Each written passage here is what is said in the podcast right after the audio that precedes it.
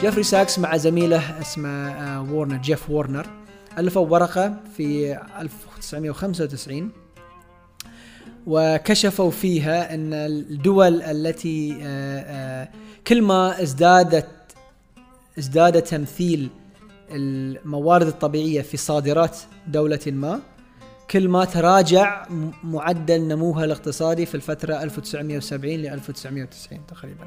فها هما كشفوا عن ظاهرة آه، إحصائية أن الدول اللي فيها مساهمة أكبر من الص... من مواد طبيعية في الصادرات خصوصا على سبيل المثال في أمريكا في الدول اللي اللي تصدر المواد الغذائية الموز آه، مثلا الموز أو, أو القهوة أو ال النحاس والى آخره وأيضا النفط والغاز والى آخره في الدول الخليجية. هذه الدول كانت تت يعني تتصف أو تتسم بمستويات أدنى من النمو الاقتصادي. وهذه ولدت آه، يعني أدبيات جديدة حول لعنة الموارد ان ربما الموارد ليست مفيدة 100% أهلا وسهلا بكم في حلقة جديدة من بودكاست منور حيث نسير معا من عالم الصور العابرة والكلام المسطح إلى عالم أعمق وأنجع وأكمل. قبل أن نبدأ هذا الحوار أرجو منكم أن تنشروا هذه الحلقة مع من قد يهمه موضوعنا. وأن تتابعونا على الإنستغرام وال Apple Podcast واليوتيوب أو أي المنصات التي تنصتون عبرها هذا البودكاست. وأرجوكم أن تقيمونا على ال Apple Podcast وأن تتركوا لنا comment في اليوتيوب. ثم في هذه الحلقة نستضيف الدكتور عمر العبيدلي. الدكتور عمر أستاذ مشارك منتسب في جامعة جورج ميسون في الولايات المتحدة. باحث أول منتسب في مركز مركاتس مركز أبحاث بواشنطن. وهو أستاذ زائر سابق في قسم الاقتصاد بجامعة شيكاغو من أعرق أقسام الاقتصاد في عالم الأكاديمية. نال الدكتور شهادة البكالوريوس في الاقتصاد من جامعة كامبريدج في المملكة المتحدة والماجستير والدكتوراه في الاقتصاد من جامعة شيكاغو. نشرت أبحاث للدكتور في دوريات مرموقة وهو الآن مدير إدارة الدراسات في مركز البحرين للدراسات الاستراتيجية والدولية والطاقة. إن الحديث عن الاقتصاد حديث ذو شجون. فعندما نتحدث عن الاقتصاد نتحدث عن الفلسفة نتحدث عن السياسة نتحدث عن علم الاجتماع وعلم النفس فلا ينفك علم الاقتصاد عن حياتنا ونهضة مجتمع أو أمة أو سقوط آخر. فتنشب حروب بالاقتصاد والمال وتطفأ نيران بالمال والاقتصاد. مع كل ذلك فعلم الاقتصاد ليس خطا مستقيما. بل تارة نسمع بالرأسمالية وتارة الاشتراكية وتارة نسمع عن تقشف وتارة عن ازدهار. ثم أسئلة كثيرة تطرأ علينا. مع هذه الجائحة وأسعار نفط منخفضة وديون متراكمة وأزمة بيئية متنامية ومناخ متفاقم ما هو مستقبل هذه الكرة الأرضية؟ والناس عليها والأنظمة الاقتصادية الحاكمة. هل نحن بين جشع الرأسمالي وضمير الاشتراكي؟ أم بهاء الرأسمالي وانتكاس الاشتراكي؟ أسئلة ومحاور نتناولها مع الدكتور عمر العبيدي. أولا دكتور أشكرك على قبولك هذه الدعوة وعلى استضافتنا في مكتبك هنا. شكرا للدعوة للمشاركة. شكرا دكتور. دكتور عمر دعنا نبدأ بسؤال بسيط. ما هو علم الاقتصاد الذي نتحدث عنه؟ علم الاقتصاد أه، تطور على مدى القرون. أه، النسخة الحديثة نشأت في نهاية القرن الثامن عشر بمؤلفات الفيلسوف آدم سميث الاسكتلندي الذي كتب كتب كتاب ألف كتاب كتابا مشهورا اسمه ثروة الأمم The Wealth of Nations في نهاية القرن الثامن عشر. وفي بداية آه، النسخة الحديثة كان اهتمام الاقتصاد بالأساس بالنظر في أسباب النمو الاقتصادي وأسباب الازدهار الاقتصادي بالتحديد. لماذا توجد بعض الأمم التي هي نوعا ما فقيرة ولماذا توجد بعض الأمم التي هي غنية ومتطورة ومزدهرة؟ آه، تطور المجال خلال القرن التاسع عشر وخلال القرن العشرين. وفي خلال آخر ثلاثين إلى أربعين سنة شهد مجال الاقتصاد تبادل فكري مع مجال علم النفس ومع مجال العلوم الاجتماعية والعلوم السياسية. وتطورت طبيعة الأسئلة التي يسعى للإجابة عليها خبير الاقتصاد خصوصا الخبير الأكاديمي.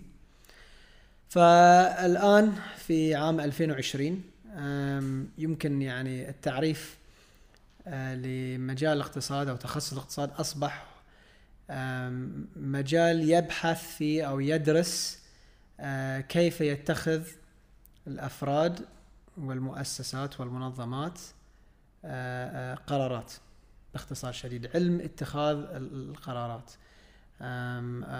وخصوصا في البيئات التي تتسم بتفاعل واعتماد بين قرارات أفراد وقرارات أفراد آخرين، يعني لا يمكن لفرد أو مؤسسه ما أن يتخذوا قرارا دون أخذ في الاعتبار ردة الفعل من الآخرين. هذه البيئة المعقدة آه، التي يصعب تحليلها هي البيئة التي يحللها خبراء علم الاقتصاد. آه، فلذا آه، توسعت اهتمامات الاقتصاديين من مجالات سابقا كانت تشمل يعني ممكن أسواق المالية أو النمو الاقتصادي. إلى الآن آه، يدرسون آه، يدرس خبراء الاقتصاد أسئلة منوعة مثلا كيف ينبغي على فرد ما أن آه، يخفف وزنه؟ كيف ينبغي على دولة ما أن تبني نظام التعليم؟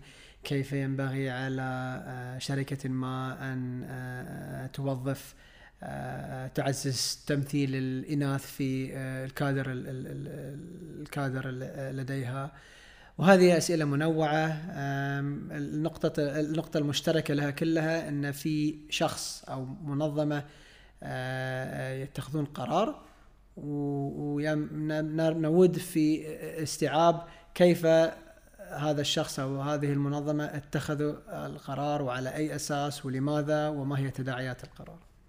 جميل جميل. يعني دكتور ما استشفيته من كلامكم هو أن يعني تارة نحن نظن أو الكثير الكثيرون يظنون أن مثلا علم الاقتصاد يندرج تحت علم إدارة الأعمال أو المحاسبة أو يعني ال business management وال accounting وهلم جرا. لكنه في الواقع أقرب لعلم آه، الاجتماع يبدو. هو اللي حصل أن مع توسع يعني هو صار التركيز على القرارات بشكل عام وليس فقط القرارات في مجال آه، مالي أو أو مادي تحديدا. آه، من أهم الشخصيات اللي آه، وسع اهتمام الاقتصاديين في هذا الاتجاه هو أستاذ انتقل رحمة الله اسمه جاري بيكر أمريكي. عمل في الخمسينات والستينات. وهو كان آه، أستاذ في جامعة شيكاغو لكن لديه آه، آه، يعني منصبين. منصب أستاذ في قسم الاقتصاد ومنصب أستاذ في قسم العلوم الاجتماعية. فهو ألف عدد من أوراق مشهورة تناولت قضايا منها اولا التعليم سابقا التعليم. الآن أصبح التعليم الجميع يتعامل مع التعليم كأنه هو أمر اقتصادي. أو على الأقل مرتبط بالاقتصاد، لكن في الأربعينات والخمسينات والفترة ما قبل الحرب العالمية الثانية آه، كانت مجال التعليم يعد آه، مجالا بعيدا عن الاقتصاد مجالا خاصا وفكريا أو ايديولوجيا. فهو من بيجاري بكر من الخبراء اللي وسع اهتمامات الاقتصاديين وبدأ يتناول موضوع التعليم تناول مواضيع موضوع الصحة تناول موضوع حتى الانتحار عنده ورقة مشهورة عن الانتحار عن جميل. الزواج جميل. عن ال ال الإنتاج المنزلي كيف يتفق زوج وزوجة على توزيع المهام كيف يقرر شخص ما من يود أن يتزوجه وما هي معايير الزواج فهذه كلها مواضيع عادة يدرسها علماء العلوم الاجتماعية كما تفضلت نعم. ولكن عندما يتناول عندما كان يتناولها علماء العلوم الاجتماعية كانوا يستخدمون يعني باقة محدودة ومحددة من الأدوات الفكرية تختلف عن الأدوات الفكرية التي يتمتع أو أو يستخدمها خبراء الاقتصاد فجاري بيكر قام بعملية يمكن أن نسميها حملة استحمارية فكريا أن نقل الأدوات الفكرية هو لا ما لا لم يكن الشخص الوحيد الذي يقوم بذلك لكن هو كان من رواد هذا نعم. نقل الأدوات الفكرية التي هي عادة خاصة بالاقتصاد واستخدمها لتحليل مواضيع عادة تقليديا تقع خارج اهتمامات خبراء الاقتصاد. جميل.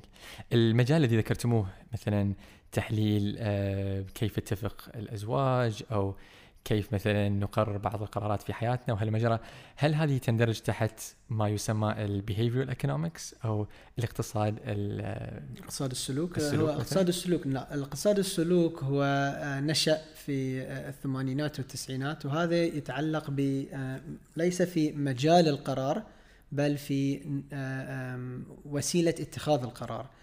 اقتصاد السلوك هو يعني يعد نسخة مطورة من النظرية التقليدية الاقتصادية حول اتخاذ القرارات. في النظرية التقليدية الاقتصادية ما تسوى النيو كلاسيكال اللي هي الكلاسيكية الجديدة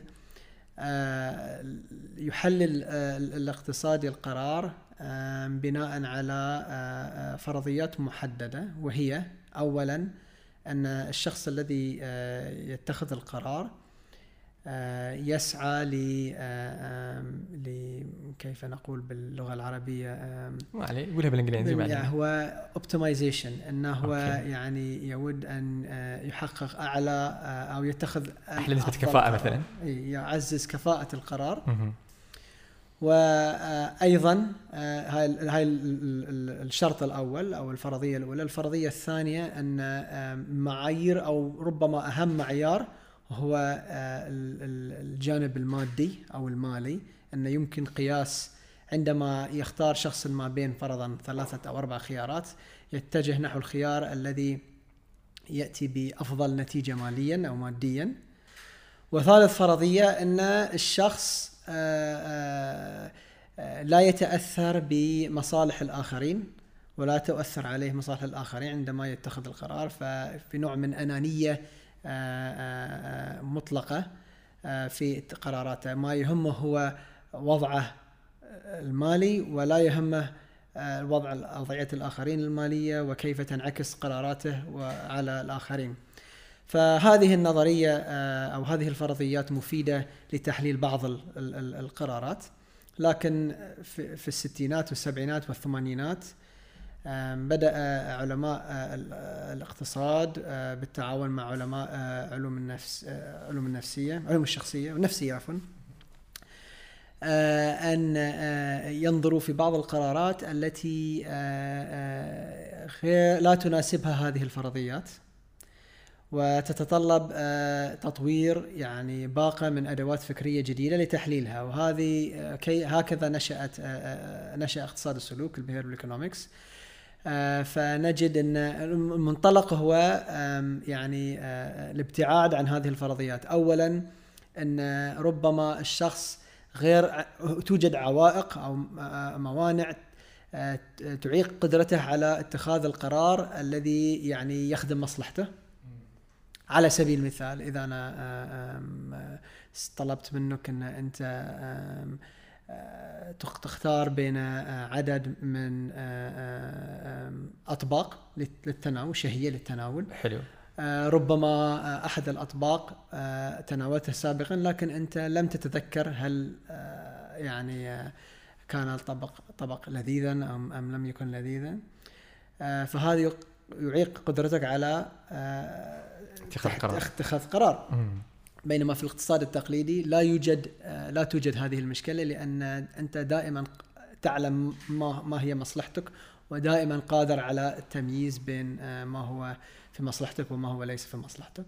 ثاني فرضية اللي هي الاهتمام بالجانب المادي، الاقتصاد السلوك آه، يسمح ل عفوا عودة للفرضية الأولى المنطلق هنا آه، مبنيا على آه، انطلاقا من علم النفس هو أن ال- ال- ال- الذهن أو المخ البشري آه، يعني أداة متطورة و- و- ومتمكنة لكن هناك حدود وهناك ثغرات يعني في قدرة ال ال ال وهي ثغرات يستغلها خبراء التسويق يوميا عندما يقدموا يقدمون يعرضون علينا آه، آه، يعني منتجات وسلع ربما غير مفيدة لكن بشكل مغري. يحطون لك ألوان معينة أو ألوان شخصيات معينة, بالضبط. أو آه، آه، فهذه الفرضية الأولى. والفرضية الثانية اللي هي الاهتمام بالجانب المالي. آه، يعني إحنا نعلم إن ال- ال- البشر آه، يعني يهتمون ب آه، عندهم اهتمامات آه، غير متعلقة بالجانب المالي. على سبيل المثال آه، يحبون احترام الآخرين. يحبون ال- ال- الهيمنة السيطرة التحكم آه، بالآخرين آه، يحبون أيضا آه، ال- الصداقة أن يعني حسب نظرية بكر التقليدية هو عندما بدأ في تحليل الزواج على سبيل المثال كان منطلق الزواج هو عن- يعني في في مجال الاقتصاد هو شراكة اقتصادية أن على سبيل المثال الزوج والزوجة اولا يرغبون في أطفال ولا يمكن بين قوسين إنتاج الأطفال دون دون العنصرين. وبالإضافة إلى هذه الرغبة آه، ال- ال- الإنتاج ال- ال- الأسري آه، يرغب الزوج والزوجة في استغلال آه، آه، أو في آه، بذ- بذل جهود بطريقة تكمل بعضها البعض. آه، آه، على سبيل المثال قد يركز ال- الزوج على المهام التي تتطلب قوة بدنية. مقابل أن الزوجة تهتم ببعض المهام التي آه، ربما تت- تتطلب مهارات اجتماعية. والإنتاج المنزلي مجموع إنتاج المنزلي أعلى. فهي نظرة اقتصادية أو ربما على سبيل المثال ال ال ال ال ال ال الزوج آه، آه، ال- الزوجة عند- في الفترة التي هي غير قادرة على العمل فيها مثلا فتره الحمل وما بعد هي سيساندها زوجها في هذه الفترة.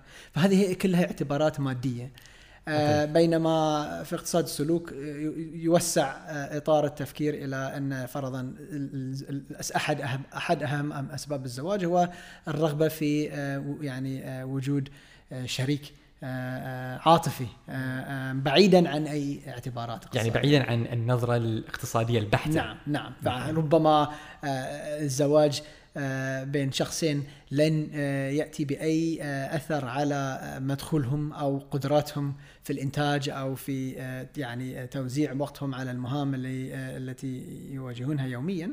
لكن آه، هناك مفعول كبير لأنهم يستمتعون بالوقت الذي يقضونه مع بعض آه، وإلى آخره.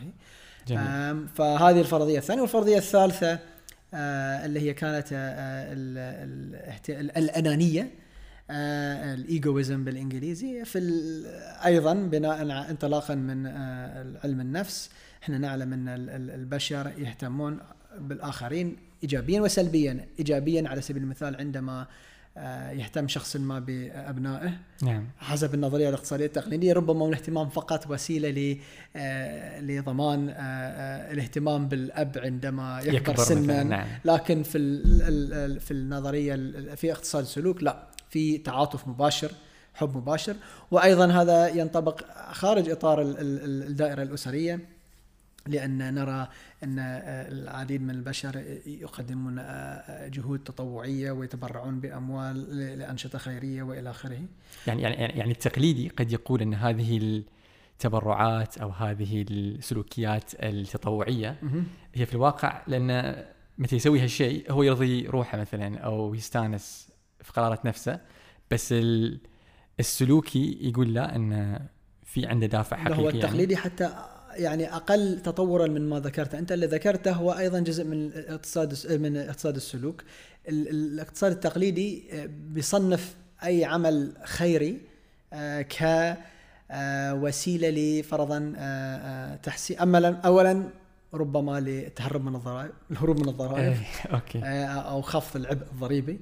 آه، ثانيا آه، خصوصا في أمريكا لأن صح. كما تعلم ال- توجد بعض الحوافز. التي تدفع الناس نحو التبرعات الخيرية أيضا آه، ربما هناك مكتسبات مجتمعية.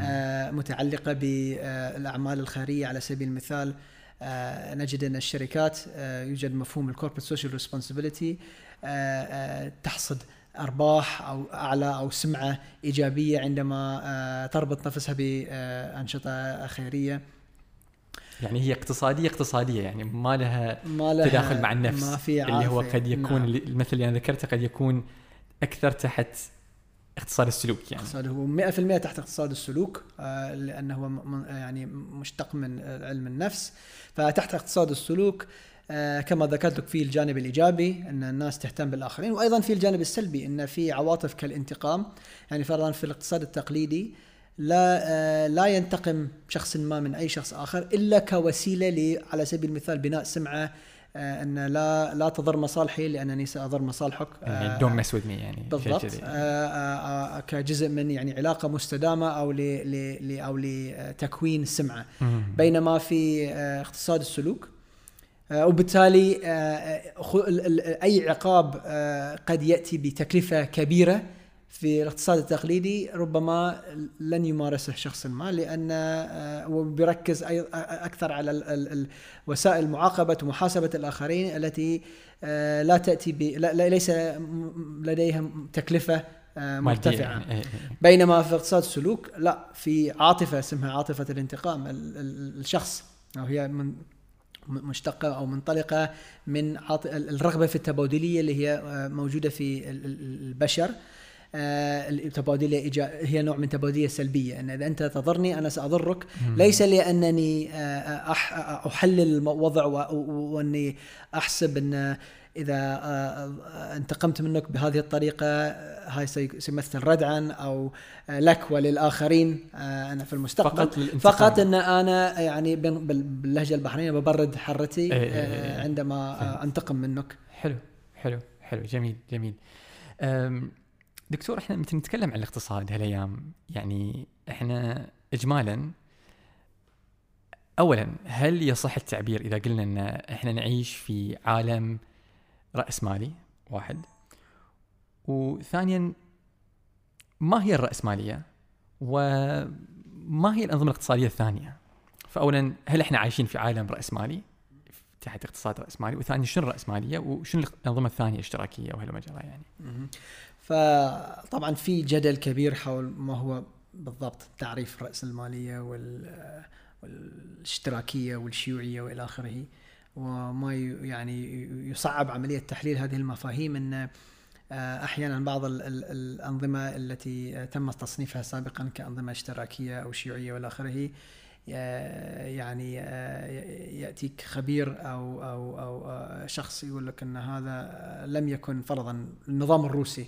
نعم. صنف نفسه كنظام شيوعي لكن ربما مناضل شيوعي آه، سيقول ان أن لا لم يكن هو فعلا نظاما شيوعيا لأنه هو كان فاسد أو ابتعد عن بعض المبادئ. والأساسيات.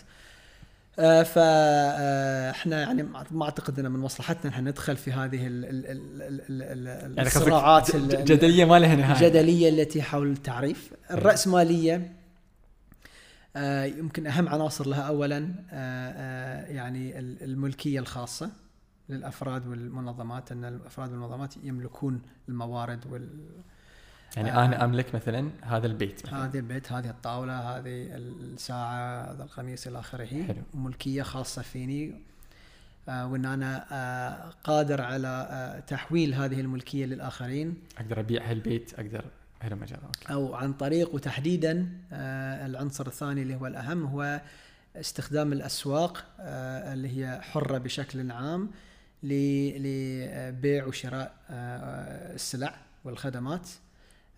وأن هذه الأسواق عموما تخضع للا مركزية. وهذا يعني أن إذا أي شخصين أو أكثر يودون في مبادلة يرغبون في مبادلة تبادل أو أو تغيير شراء وبيع السلع يحق لهم يعني تحديد آلية ال- ال- ال- البيع والشراء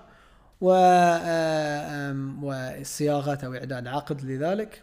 وتوجد محاكم لتنفيذ آه، آه، القرار في حالة يعني بروز خلاف أو اختلاف حول آه، يعني الملكية. لكن هذه ربما يعني أهم عناصر لل- ال- ال- الرأسمالية مقابل الأنظمة غير الرأسمالية التي آه، آه، تنص إلى آه، تنص على ملكية مشتركة قد تكون جزئية قد تكون مطلقة.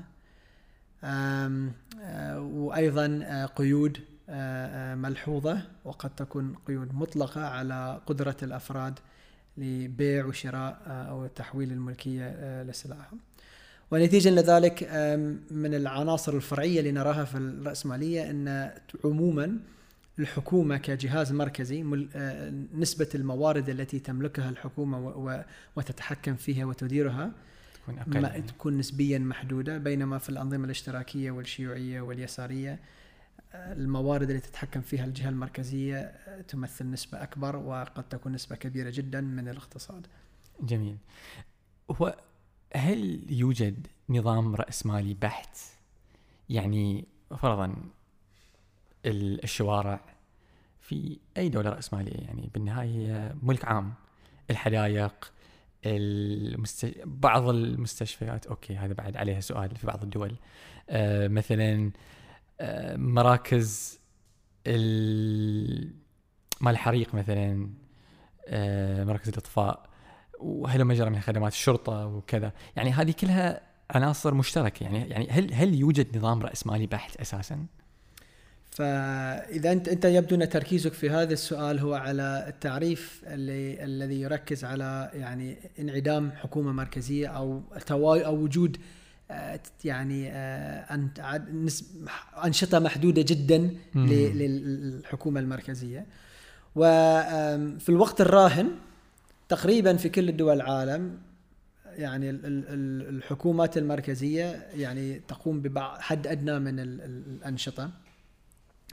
توجد بعض ال- الاستثناءات آه، التي عادة هي متعلقة بالحروب الأهلية حيث يعني آه، نرى أن انهارت الدولة المركزية. فقبل عدد من السنوات آه، الصومال كانت في حالة جدا صعبة وعمليا الحكومة المركزية انهارت. نعم. أن رأينا شيء شبيه إلى حد ما في أفغانستان. ففي هذه الحالة يعني آه، لا توجد جهة مركزية مهيمنة أو مسيطرة آه، آه، على ال- ال- ال- الاقتصاد أو غير الاقتصاد وكل شيء مخصخص ولا مركزي. فعودة لموضوع الصومال يعني ال- ال- الأمن أصبح مخصخص آه، آه، ال- ال- الصحة مخصخص لأن الدولة لا تقدم أي أي يعني كل جماعة تعتني بجماعتها تقريبا شيء تقريبا. هي يعني قانون الغابة ما يسمى لو ذا جانجل يعني آه، آه، لكن آه، وبعض الدول اللي نراها الآن آم، يعني الدول الغربية اللي يعني آه، تحسب آه، آه، يعني رأسمالية في الماضي خصوصا في القرن التاسع عشر في بعض الجوانب كانت أكثر رأسمالية لأن كان دور الحكومة المركزية أقل مما هو الآن آه، يعني أشياء مثل ما ذكرت أنت الصحة التعليم إلى آخره اللي آه، يعني أصبح آه، من الطبيعي أن, أن تقدمها الحكومات أو على الأقل تلعب دور كبير في تقديمها في في اداره العصر. الراهن إيه. هي ظواهر يعني بدأت أساسا في الفترة ما بعد الحرب العالمية الثانية يعني كان على الأقل يعني في بداية النص أو النص الأول من القرن العشرين وتحديدا في النص الثاني. لكن إذا نرجع للقرن الثامن عشر التاسع عشر كانت الحكومات ما تقدم هذه الخدمات آه، وكانت يعني مساهمة الحكومة في الاقتصاد ضئيلة جدا. تتمحور حول ال- ال- المحاكم والأمن وال- وال- والشؤون الخارجية والجيوش والى آخره لكن بس. يعني أنشطة خيرية محدودة يعني أو ضمانات اجتماعية محدودة جدا. آه، حتى في أمريكا على سبيل المثال كانت ال- ال- العملات مخصصه آه، كان آه، كانت في كان في فترة اسمها ال free banking العصر الصيرفة الحرة. وكان يحق تقريبا لأي شخص انه هو يفتح عملة يأسس عملة. يطلق عملة. ومثل ما أنت الآن لما تبي تشتري سيارة تختار إذا تبي بي إم فورد مرسيدس اللي يناسبك وما حد يتدخل في قرارك والموضوع يعود لك. آه، كانت العملات في أمريكا في ذيك في هذه الفترة آه، يعني اختيار العملة موضوع خاص بالفرد. يود أن يستخدم الدولار الفلاني اليوم يود انه يبادل هذا دولارات هذه الدولارات بدولارات أخرى بسعر صرف معين يتفق عليه مع الطرف الآخر. هذا موضوع خاص فيه. آه، و فيمكن يعني تصنيف الدول الغربية آه، في حالتها في القرن التاسع عشر كحالة يمكن أكثر رأسمالية من الآن. آه، لكن رأسمالية مطلقة مطلقة يعني ما أعتقد أن شفناها آه، لأن أيضا في بعد جدل في آه، يعني ال- ال- حول دو يعني هل آه، المحاكم والأمن آه، ينبغي أن ي- يتم تخصيصهم تحت الرأسمالية ولا هل جزء من الرأسمالية أن حتى المحاكم تكون خاصة ولا لا في مدرسة فكرية يسمونهم ال anarcho-capitalists. الرأسماليين الفوضويين okay هاي اللي هي جاي من anarchy من anarcho-capitalist. okay فهذه الجماعة آه، آه، تؤمن آه، برأسمالية مطلقة حتى المحاكم يجب أن تخصص حتى الأمن لا وأن آه، إن- الح- إحنا في ال- ال- ال- ال- العلوم السياسية يعني أو في العصر الحديث آه، من صفات ال- ال- الدولة الحديثة أن الدولة هي الجهة الوحيدة التي يحق لها أن يعني أن آه، تستخدم العنف. آه، توظف العنف نعم. آه، سواء يعني لحبس من يخالف القانون في السجن أو تنفيذ قرارات محكمة مثلا أو إلى آخره. هاي مجرد جهة واحدة وهي الدولة التي يحق لها أن تملك السلاح وتستخدم السلاح والعنف. آه، over مونوبولي فايلنس violence. كوبرسيف باور coercive power. ف آه، فال anarcho-capitalist يعتبرون أن هذه هذه أيضا جريمة في حق الفرد آه، وأن وأن وأن يجب أن يكون في تنافس ولا مركزية أيضا في آه، استخدام العنف وبالتالي آه، يعتبرون أن كل أن الدول الحديثة ليست قريبة حتى من الرأسمالية الحقيقية لأن المحاكم يعني بشكل عام هي تحت الحكومة والأمن والشرطة وإلى آخره. هو الغريب في هذه الفكرة في الاناركو كابيتالست اللي ذكرتها يعني كأنما تلتقي مع بعض الأفكار اليسارية لأن يعني قد اليسار يقول إن إحنا كلنا مشتركين في الأمن بحيثية أخرى والاناركو كابيتالست يقول لا ما في مركزية للأمن فقد يكون هني تلاقي بينهم ولكن بشكل يعني معكوس شوي يعني. بس ال ال يعني أتوقع أنا يعني الفكر اليساري يعني لا يقع ضمن يعني تخصصاتي لكن أتوقع أن اليساري دائما يعود إلى إلى أن في آم، صورة واضحة عن ما هي المصلحة العامة وأن في ميول نحو الرغبة في جهة مركزية القيام بتنفيذ هذه ال- ال- ال- الرؤية حول ما هو ما هي المصلحة العامة بينما ال- ال- الرأسمالي الفوضوي أو الفوضوي عموما نعم آه، لا يؤمن ب يعني آه، وجود جهة مركزية تستحق أن أن آه، أن أن, أن تمتلك آه، القدرة أو يعني. الصلاحية. والسلطة للقيام بهذا الدور. جميل جميل دكتور يعني متى إحنا الحين تكلمنا عن تكلمنا عن الرأسمالية إجمالا ماذا عن الاشتراكية أو الشيوعية الاقتصادية؟ يعني ماذا تعني هذه المفاهيم؟ يعني كما ذكرت لك يعني يمكن تعتبر آه، يمكن تصنيف ال- ال- ال- الأنظمة اليسارية كالنظام ال- ال- ال- البديل. فهذا يعني اولا أن تدريجيا تقل حقوق الفرد في آه، آه، الملكية. وأيضا دور الحكومة المركزية في آه، الحياة الاقتصادية اليومية تتزايد. آه، انطلاقا اولا بتملكها لبعض ال- ال- السلع الأساسية. آه، مثلا شبكة الاتصالات آه، ال- ال- الشبكة الصحية الشبكه التعليميه يمكن الموارد ال- ال- الطبيعية. الموارد الطبيعية. و- ومع التدرج آه، تنتقل إلى آه، بعض الأنشطة اللي هي خارجا آه، تقليديا تقع خارج إطار الحكومة مثلا إنتاج ال- المواد الغذائية آه، القمح الرز القمح، مثلا بعض ال- الأساسيات. النقل ال- ال- وإلى آخره آه، وحتى الالكترونيات في بعض الحالات والسلع ال- ال- المتقدمة. فنمشي في هذه السلسلة آم، ونظريا في النظام الشيوعي يعني تكون الملكية مطلقة آه، لا توجد يعني نظريا آه، الفرد لا يملك آه، والحكومة الملكية هي عامة دائما وحتى على سب- على سبيل المثال ال- ال- ال- الملابس الذي يرتديها هي ملكية عامة يستلمها من الدولة و- يعني ثمرات عمله آه، آه، تعود لل لل- للأمة وللشعب. مم. آم، ف طبعا عند التطبيق الفعلي آه، نجد أن هناك صعوبات في تنفيذ هذه الرؤية ال- ال- الفكرية أو الإيديولوجية آه، آه، الصافية لكن هذا هو التوجه. يعني هو عندما تقولون في التطبيق قد تختلف بعض الأمور. وفي الواقع يعني حتى يعني شوف إن الرأسماليين اجمالا يعني لا تأخذ أنا صنفتك بس يعني اجمالا قاعد أقول. الرأسماليين اجمالا يحبون يقولون إن الشيوعية الاقتصادية أو أو الاشتراكية فرضا غير قابلة للتطبيق. 100% بس العكس صحيح أيضا لأن إذا إحنا بناخذ الرأسمالية كالفكر الخالص نوصل للأناركو كابيتاليزم فرضا اللي ذكرتوه واللي هو مو موجود.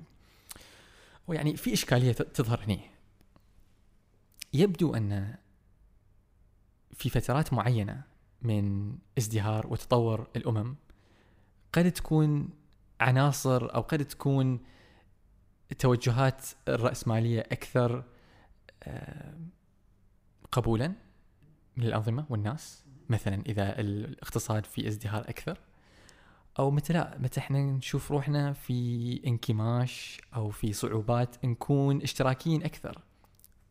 بعطيكم كذا مثال. مثلا أتذكر كنت أدرس في فرنسا في باريس آخر سنة وكنا نتكلم مع يعني أساتذتنا وكذي. كانوا يقولون إن المناطق في باريس متى تصير انتخابات بلدية المناطق الفقيرة يميلون إلى انتخاب اليساريين. واليساريين عندهم برامج تدري يعني اجتماعية وكذا. فتشوف عقب كم دورة اقتصادية مثل المنطقة تزدهر وتصير حلوة وتصير مرتبة آه الناس يبدؤون ينتخبون من؟ لا ال- اليمنيين مثلا أكثر أو أو ال أو, ال أو الرأسماليين أكثر إذا صح التعبير. آه أو حتى مثلا في أنظمتنا الاقتصادية اليوم. نشوف مثلا يعني متى صارت الأزمة الاقتصادية العالمية؟ 2007 2008 2009 وهالمجرى في مقولة انتشرت أن تشوف الراسماليين يقولون راسماليه وراسماليه راسماليه يحرمونا من مثلا يعني في أمريكا انتشر شيء، يحرمونا من من مثلا التعليم المجاني في الجامعات أو من الصحة المجانية وهلم جرى بس متى طاحت الطيحه عليهم socialism for the rich الاشتراكية للأثرياء. أن البنوك كلها حصلت آه يعني دعم مو كلها يعني. يقول لك تأميم ال- ال- التاميم ال- الخسائر وخصخصة ال- ال- الأرباح يعني بين قوسين أحسنت أحسنت. ف يعني السؤال يطرأ نفسه انه يعني يمكن أنا الحين بوصل لهالسؤال هو هل يبدو أن الراسماليه كلها دعاية؟ يعني انه ما في راسماليه حقيقية وإن كأنما هي دعاية نفس ما تفضلت إن بعض الشركات تستخدم بعض الأفكار والمفاهيم في ال behavioral economics أو في اقتصاد السلوك. لمثلا ترويج بعض السلع وهلم جرى كانما الرأسمالية أو الرأسماليين الرأسماليين يستخدمون هالأفكار لترويج بضاعتهم لكن في الواقع هي صعبة التطبيق مطلقا. يعني شوف اولا آه ال ال ال الرأسماليين الفوضويين هذه يعني حزب شيلهم أوكي حزب يعني متطرف يعني آه، ما قصدي طبعا متطرف يعني من ناحية عنيفة لا بس إنه يعني هم آه، فئة هامشية حلو. ولا ولا ولا ما لها أي أثر على المعادلة. حلو النقطة الثانية أن سواء فلا تقيس يعني الرأسمالية بناء على هاي ال- ال- الفئة. ثاني نقطة أن الشيوعيين الرأسماليين الفوضويين وجميع ال- ال- ال- الفئات السياسية أو الإيديولوجيات آه، المختلفة. آه، يعني آه، مسموح لها في الدول الغربية في أنظمة ديمقراطية مفتوحة أن تتنافس بشكل عادل على الأصوات. طبعا في فت- فترة الحرب الباردة ما كان يحق لحزب شيوعي أنه يعمل في الولايات المتحدة وكان اسباب أمنية وكذا يعني. اسباب أمنية. لكن الآن في عام 2020 المجال مفتوح لأي نظام أو أي أي يعني حزب سياسي يود يطرح فكرة. ويعني وعلى الرغم من ذلك هذه ال- ال- ال- الفئات المتطرفة يعني تمثيلها أما محدود أو صفر. يعني ف آه، على سبيل المثال في فرنسا نظام ال- الحزب الشيوعي صار له يعني تقلص كثير يعني. خلص لي وموجود دائما موجود عندهم اثنين ولا ثلاثة عدد النواب كذلك في إيطاليا والى آخره. لكن ما مو بقادرين يتزوجون هذا المستوى. هذه دليل إن ال- رسالتهم هم مو مقموعين ولا مظلومين يعني. فهاي دليل إن الرسالة اللي تقدمها هذه الفئات يعني غير مقنعة آه، أمام الشعوب. يعني يعني باختصار نقدر نقول إن الانفتاح المطلق إذا سميناه في الاناركو كابيتاليزم إي. يعني خلينا غير نسميه. خلينا نسميه غير موجود. غير جذاب يعني لاي okay. لأي نظام سياسي. حلو. وال وال والانغلاق المطلق أيضا يعني غير موجود غير وغير جذاب ما حد ما. حد اقتنع فيه فاحنا قاعد نتكلم خلينا نقول في ال يعني 70 ل 80% اليمين في مقابل 70 ل 80% باليسار وإحنا الحين نسأل فوين ال- ال- الجدل؟ الجدل يعني علشان الواحد ما يدش في تعريف إيه. الراسماليه مشكلة، والشيوعيه، إحنا نتحدث عن اولا عندك يعني أربع خمس قضايا يتتنافس عليها ال ال ال ال ال النخب السياسية والناخبين أيضا.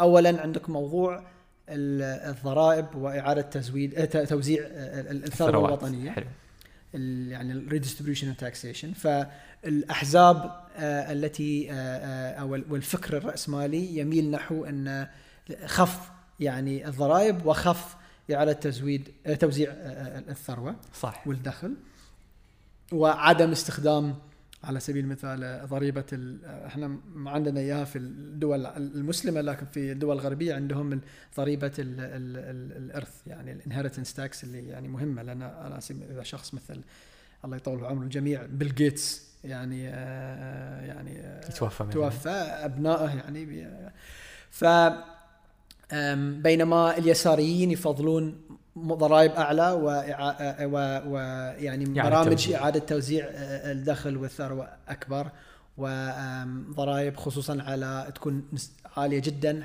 لمن هو آه، يعني تسمى ضرائب تقدمية اللي هي عالية جدا ال progressive taxes لمن عنده دخل عالي أو أو أو يعني من هو ثري آه، جدا مقابل ضرائب شبه غائبة أو أحيانا سل- سالبة لمن هو فقير لأنه يستلم مبالغ آه، صافية من من الحكومة. يعني هو كانما الجدل صاير ما بين المساواة ال equality اللي اللي يدعو إليه اليساريين أكثر نعم والحرية في أني أستخدم الثروة اللي أنا جنيتها اللي يتحدث عنها اليمينيين إذا صح التعبير. هذه هذه يعني بعد واحد هو ان باختصار شديد طبعا هو معقد لكن إذا بنلخصه بجملة أو جملتين ال- اليميني يرى أن ال- التباين في ال- المدخول اولا هو نتيجة تباين في الجهود والكفاءة حلو. وليس تباين في ال- ال- ال- المصادفات أو الحظ أو النصيب آه وثانيا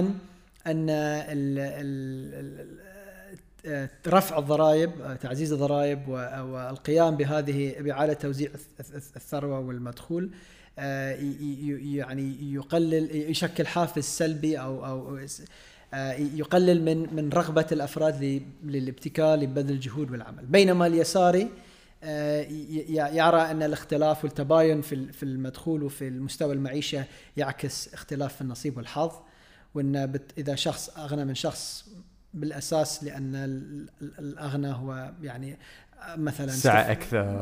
لا اليساري إنه هو آه. يعتبر إن الشخص اللي أغنى استفاد من يعني ورثته يعني اي اي اي سوري غني. ولا ال- ال- ال- العكس اليمين يشوف إيه إنه- العميل ف وإنه بالتالي آه، وأيضا إن ال- الإستمرارية التباين هو غير عادل. ويسبب توترات مجتمعية وهو وضع آه، غير أخلاقي وبالتالي يجب يعني نعيد معالجته عن طريق فرض ضرائب على الأثرياء آه، وإعادة توزيع هذه المبالغ لأصحاب الدخل المحدود. فهذه بعد واحد. بعد ثاني هو ال ال ال يعني آه، النظره حول ال- آه، ال- ال- التدخل الحكومة في الأنشطة الاقتصادية خصوصا عن طريق الضوابط والتشريعات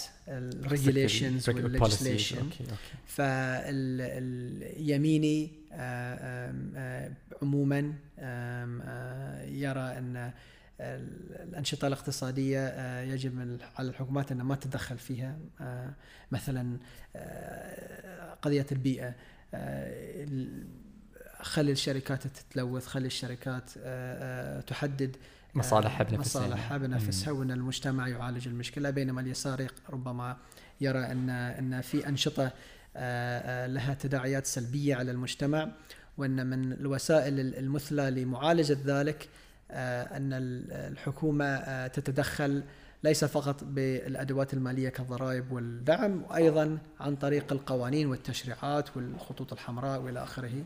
فهذه بعد ثاني مهم.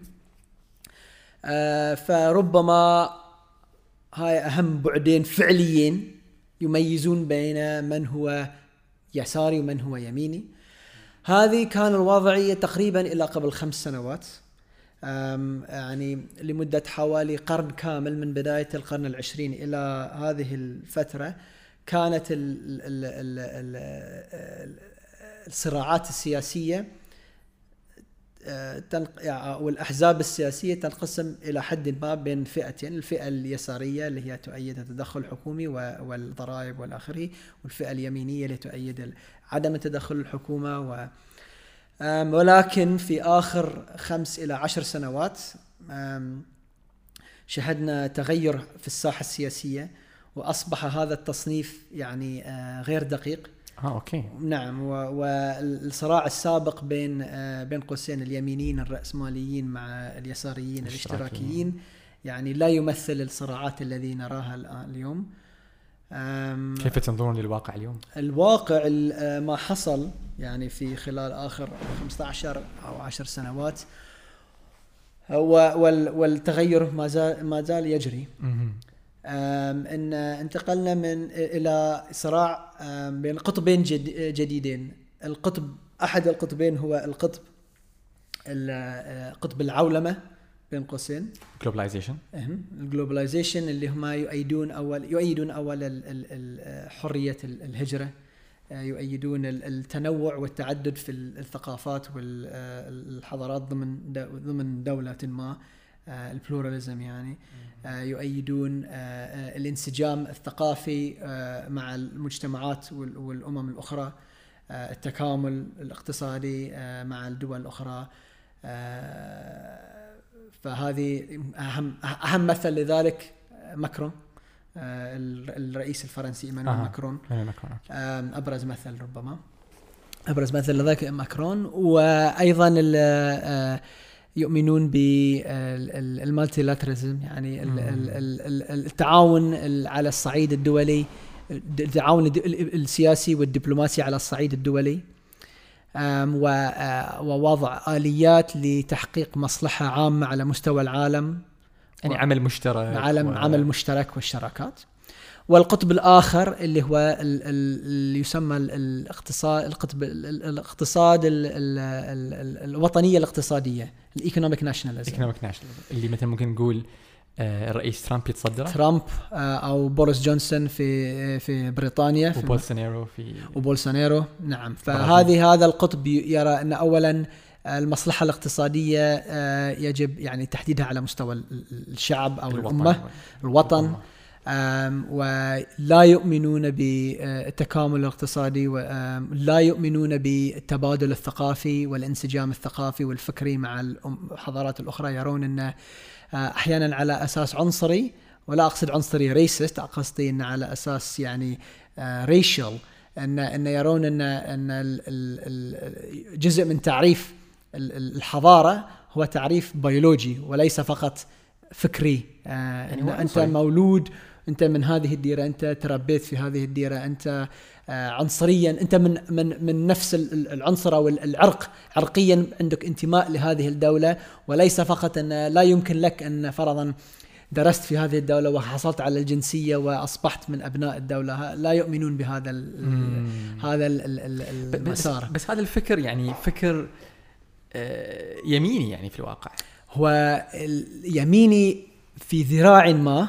ما هي يعني لأنها مواضيع ملفات سابقا كانت آه، تندرج تحت الفكر اليميني لكن الآن أصبحت يعني عاد تصنيفها. يميني بعض الأنواع من الفكر اليميني يعني يمكن يعني ال- ال- ال- المحافظ الحزب المحافظ البريطاني نعم نعم. أو الحزب الجمهوري الجمهوري الأمريكي تقليديا يؤمنون ب آه، اولا ال- ال- الحرية الاقتصادية كما ذكرت نعم. الضرائب المنخفضة نعم. عدم تدخل الحكومة. نعم. لكن أيضا يميلون نحو الوطنية لكن يعني الناشوناليزم ولكن آه، أيضا يؤمنون بالأس- بال- بالتجارة الدولية وال- والعولمة. ما كانوا ضد العولمة. نعم. لكن آه، مع التغيرات اللي صارت في آخر 20 سنة آه، انشقت آه، صار يعني برز انفصال في الحزب اليميني وأيضا في الحزب اليساري ونص الحزب اليميني التقليدي انضم مع نص الحزب اليساري التقليدي والنص أيضا في النصين الآخرين انسجموا يعني صار في إعادة ترتيب نوعا ما. إعادة ترتيب. و... آه، ومن التناقضات الغريبة مؤخرا في إيطاليا كان هناك تشكلت حكومة مبنية على ائتلاف بين ال- اليساريين المتطرفين واليمينيين المتطرفين وهذه من التناقضات اللي يعني لا يمكن وأنا تحصل أقول لك من. ساعه الاناركو كابيتاليزمز وال وكان وكان اللي يجمع المتطرفين اليساريين والمتطرفين اليمينيين في إيطاليا هو يعني آه، عدم آه، آه، أو نوع من الكراهية نحو الأجانب يعني مم. فالآن في ال- ال- الترتيب الجديد اللي يعني نسير نحوه الحزب العولمي ال- اللي هو عندكم إيمانويل ماكرون أنجيلا ميركل آه، الألمانية نعم. آه، جاسيندا آه، أديرن في نيوزيلندا. هذه الأسامي بينما كما تفضلت ترامب بولسونيرو بوريس جونسون الاخرين هم ال- ال- الوطنيين الاقتصاديين. فهاي ترتيب جديد وما زال يعني يجري. ويعني لن يكتمل لم يكتمل بعد. ولكن بدأت تداعيات كبيرة آه، آه، آه، تبرز مثلا خروج بريطانيا من الاتحاد الأوروبي ودول كالولايات المتحدة أصبحت يعني يعني طلعت من معاهدة البيئة مثلا. طلعت من معاهدات البيئة و- ويعني إيمانها بأهمية الشراكات الدولية تراجع بشكل كبير سواء في المجال البيئي أو غير البيئي مجال الاقتصادي مجال ال- الأمني العسكري. ال- ال- الجميع آه، أو عدد كبير من دول تسير نحو اليونيلاتراليزم. مم. آه، قرارات أحادية وكذا. نعم والانسحاب من الآن. و و ونرى الآن أن الأمم المتحدة ربما في أضعف وأسوأ حالة لها آه، منذ التأسيس آه، في يعني قبل 70 أو 80 سنة. فهذا هذه الترتيبات الجديدة وأصبحت بعض الصراعات الإيديولوجية السابقة صراعات منقرضة وغير مهمة. آه، آه، لا لا لا- تؤثر على ال- ال- المعادلة السياسية الجديدة. فعندما آه، بوريس جونسون على سبيل المثال في آه، آم، فرض على الحزب المحافظين لأن كان هناك يعني انفصال في حزب المحافظين على ملف البريكس الخروج من الاتحاد الأوروبي.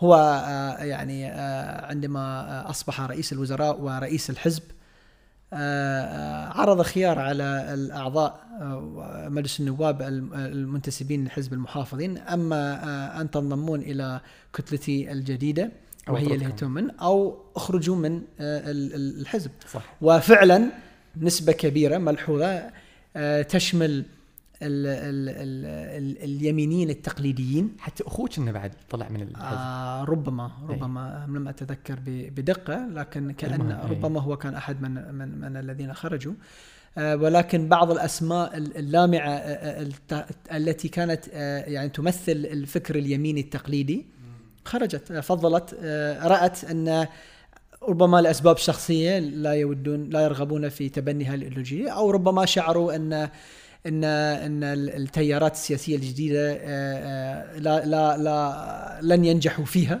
وانسحبوا. ونرى يعني توجهات شبيهة أيضا في الولايات المتحدة. آه، بول راين اللي هو كان سابقا صح. رئيس مجلس النواب وجمهوري يعني لامع. أيضا يعني أصبح دوره في الحزب. هو تقاعد أو شبه انسحب من رئاسة حزب النواب. من رئاسة مجلس النواب قبل عامين وأصبح دوره هامشي آه، ربما بسبب يعني آه، آه، يعني شعر ان إن الإيديولوجية الذي يعني تناسبه لا لا لا دور لها في المعادلة السياسية الجديدة. أنا حتى أتذكر بول راين يعني كانوا يشوفون يعني قاعدين يجهزونه شوي شوي إنه يصير رئيس مستقبلا فعلا فعلا يعني اي. والآن لا لا, لا لا يذكر اسمه. يعني دكتور هني السؤال يعني اللي يطرح نفسه إحنا تكلمنا عن محاور غربية ولكن ماذا عن الصين مثلا يعني مثلا إحنا نتكلم عن الصين يعني هو الصين يتداخل في الموضوع من جانبين. يرجع لموضوع سابق شوي. كنا نتكلم عن الاشتراكية والرأسمالية. يعني السؤال يطرح كثير. يعني هل الصين الصين يعني الشيوعية المطلق خلاص. يعني هي مو هي مو شيوعية بالمعنى الاقتصادي. يعني قد تكون شيوعية بالمعنى السياسي المركزية في القرارات. يبدو ما أدري بنشوف وجهة نظرك في الموضوع. أه فالسؤال يطرح نفسه هني ان واحد شنو موقع الصين اقتصاديا كتصنيف؟ وكمحركات. ثانيا شنو موقع الصين في هذه المعادلة؟ لأن يبدو لي أن من أحد أسباب من قراءتي للساحة من أحد أسباب ظهور هذه الناشوناليزم ايكونوميك ناشوناليزم الوطنية الاقتصادية يبدو أنها لمجابهة هذه القوة العظمى ويعني بروزها. شنو وجهة نظركم؟ إحدى النظريات المطروحة وهي يعني موضوع ليس محسوم. لم يتم حسمه بالشكل النهائي ولكن إحدى النظريات المقنعة التي وردت إلى الآن أن أن سبب التغير أو التحول السياسي الذي ذكرته من يعني أحزاب تتصارع حول الضرائب وحول التدخل الحكومي في الاقتصاد إلى أحزاب تتصارع حول مدى انسجام الاقتصاد في الاقتصاد العالمي ومدى يعني الوطنية في السياسة الاقتصادية. هو آه، نهضة الصين. آه، ما هو مطروح؟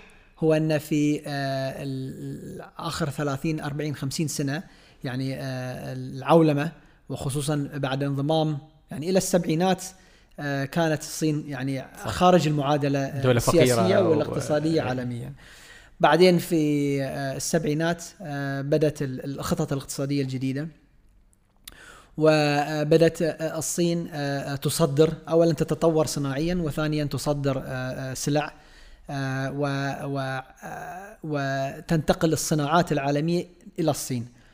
وأيضا من الخطوات المحورية هو انضمام الصين إلى منظمة التجارة العالمية الورلد تريد اورجانيزيشن الذي حصل أعتقد في ربما في عام 2000 أو 2001 بداية الألفية بداية الألفية حسب معلوماتي والمهم انه في آخر يعني 20 إلى 30 سنة انضمت إلى منظمة التجارة الدولية. ونتيجة لذلك تمكنت من يعني الانسجام بشكل أكبر في المجتمع الدولي المجتمع الاقتصادي الدولي وأصبحت قادرة على استقطاب رؤوس أموال دولية بشكل أفضل. و ارتفعت وتيرة انتقال الصناعات العالمية من دول غربية إلى الصين. ونتيجة لذلك الطبقة المتوسطة أو الطبقة اللي أقل من الطبقة المتوسطة الطبقة العامة ال working classes في الدول الغربية التي كانت تعمل الوظائف في القطاع الصناعي وجدت نفسها مهمشة اقتصاديا. وبينما وفي الوقت الذي شعرت بالتهميش الاقتصادي وربما هناك جدل حول يعني المستوى المعيشة لهذه الفئة لكن هناك تصور شائع إن مستوى المعيشة لهذه الفئة أما في أفضل حالة تجمد وفي بعض الحالات ربما تراجع خلال الفترة على سبيل المثال 1980 إلى 2010 بسبب انتقال الصناعات وغيرها إلى دول آسيا شرق آسيا منها الصين. ومر شاهدوا هذه المشاكل وفي نفس الوقت النخبة التي يعني لها نفوذ كبير على الطبقة السياسية وعن الطبقة المتوسطة والطبقة ونخبة المجتمع أصحاب الشهادات العلمية العالية والمجتمع المثقف وإلى آخره ال intelligentsia كانت ترحب بهذه التغيرات. في الصين في, في العولمة. آه كانوا آه. يعني آه كانت هذه النخب آه تشعر أن آه دخل العالم في عصر ذهبي. صح ذكر يعني توماس فريدمان الكتاب The World Is Flat بالضبط بالضبط. كان فالفقير كان يشعر أنه مظلوم و ويزداد انزعاجه وغضبه لأن في الوقت الذي يشعر أنه هو مظلوم يرى أن الطبقة الثريه آه، بالعكس ترحب بالأوضاع الجديدة.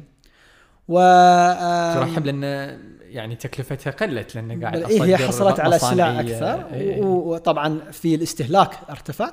لكن أيضا حتى بعيدا عن الاستهلاك آه، الصراعات صار في تراجع كبير في الصراعات العالمية.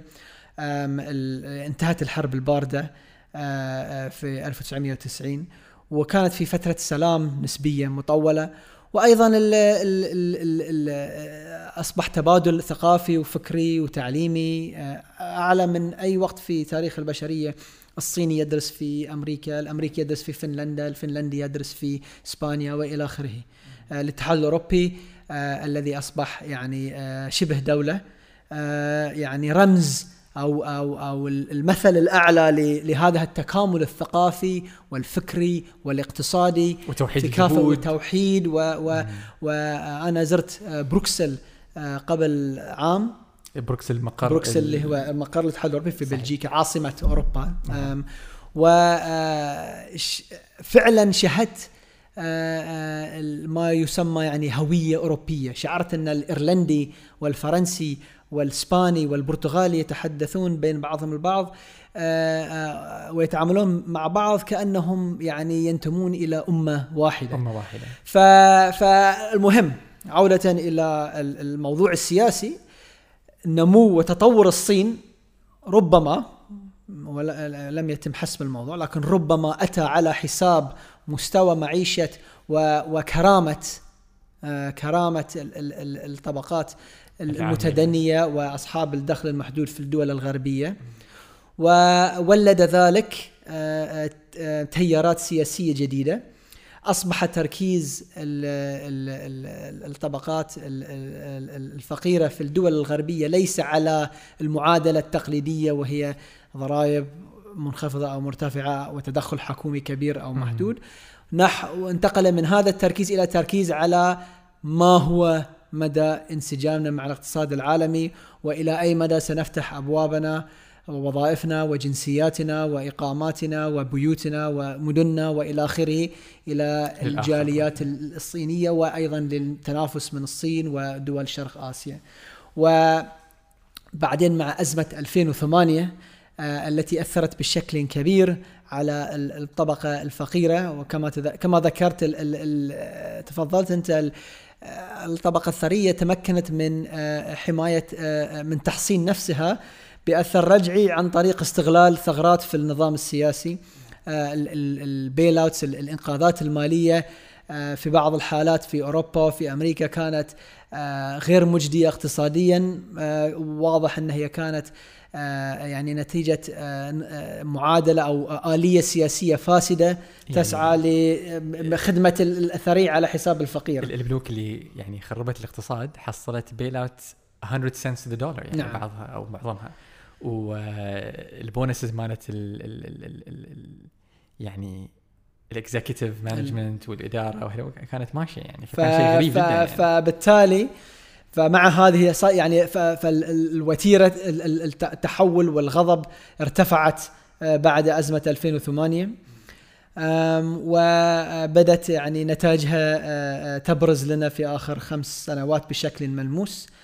في ترامب في بولسونارو في بريكزيت وإلى آخره. وين نصنف مودي في المعادله؟ ومودي أيضا يعني مثلا لذلك لأن هو رئيس وزراء الهند يعني. رئيس رئيس رئيس الجمهورية ولا لا رئيس ال- رئيس الوزراء صح رئيس الوزراء ما- هو رئيس الوزراء عندهم رئيس صح. هو. رئيس الوزراء. فايضا هو مثل لذاك لأن ال ال ال ال عندما آه، تمر أي دولة بصعوبات اقتصادية والصين مرت أو الهند مرت بصعوبات اقتصادية وكل دول العالم مرت بصعوبات اقتصادية عميقة بعد أزمة 2008 خصوصا بسبب اعتماد آه، آه، جميع الدول على التجارة الدولية وال- وال- والازدهار العالمي.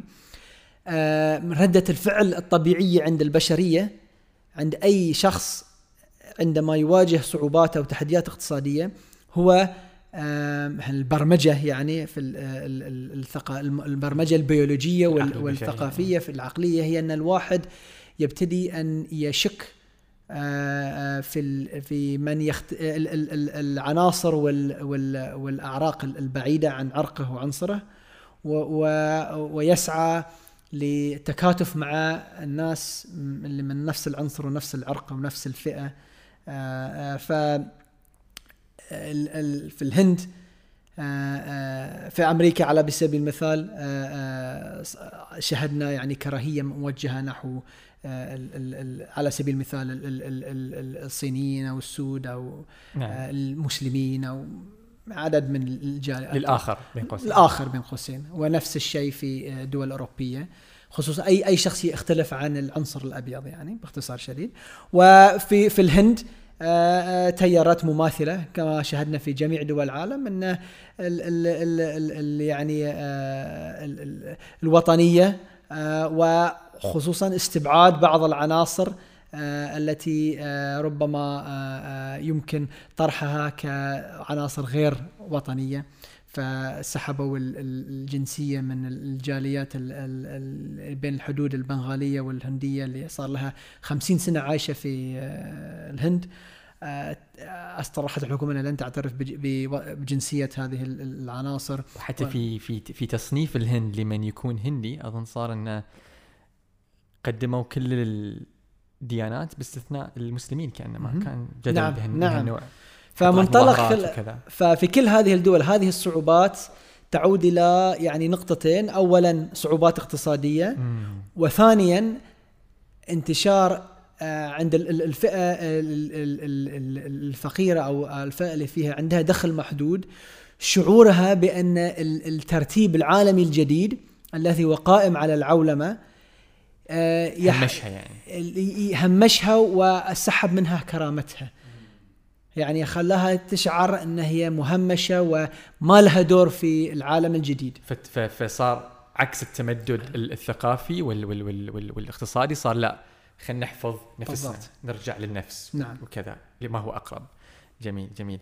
آه دكتور يعني أنا قاعد في الحديث معاك أشوف حضرت وايد أسئلة بس ما شاء الله الحديث من كثر ما هو جميل. أشوف يعني حتى ما وصلت لنص الأسئلة اللي عندي. بس يعني ملاحظة يعني ما قصدي شيء. الحمد لله. الحمد لله الحمد لله.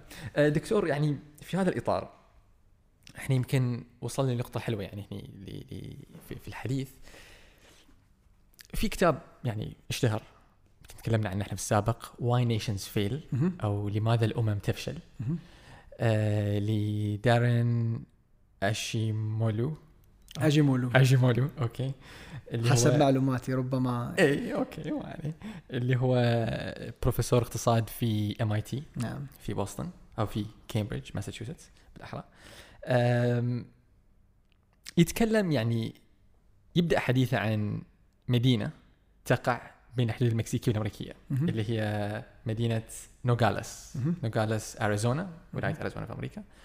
ونوغاليس سونورا ويتكلم عن شلون هذه المدينة اللي هم من نفس العرق من نفس الدين اجمالا وبذكر ليش يذكر هالاشياء من نفس اللغة.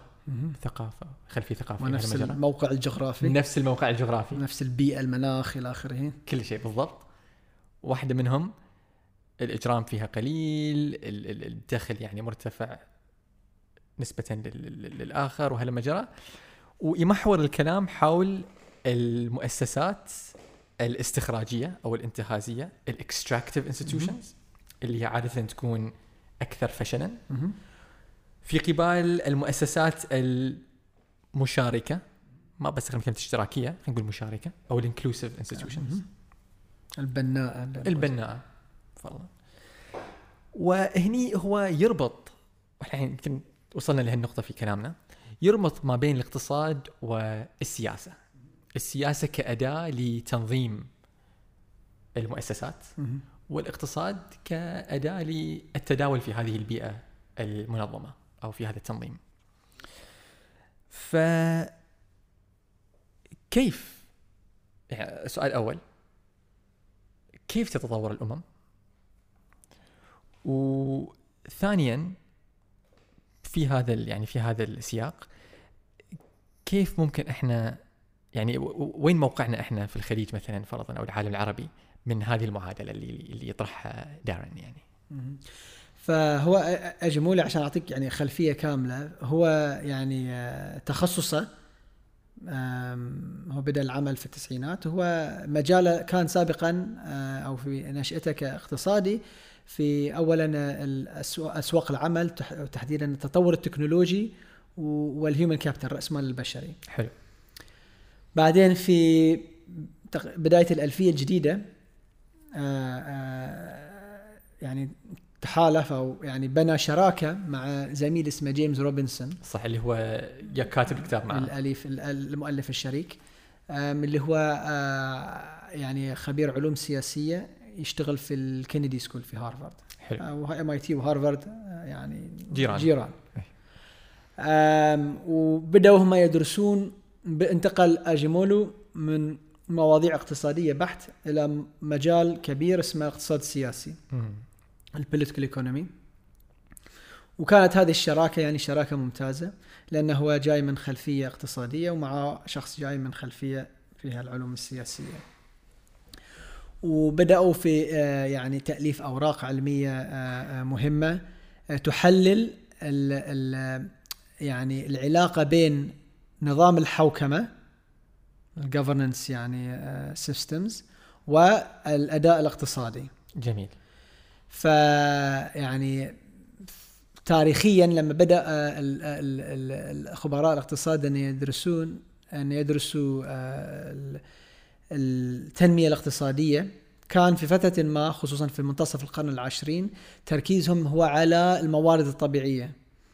آم، وإن آه، وطرح إن آه، يعني أحد أسباب يعني آه، آه، التباين في ال- ال- الأداء الاقتصادي هو تباين في الموارد الطبيعية. يعني دولة. اللي عنده أكثر نعم يتطور أكثر. باختصار شديد دولة كالولايات المتحده عندها نفط عندها فحم عندها أراضي عندها يعني تقريبا كل مورد موجود في الولايات المتحدة بينما دولة ك على سبيل المثال آه، آه، السودان آه، مواردها محدودة بيئتها صعبة وإلى آخره.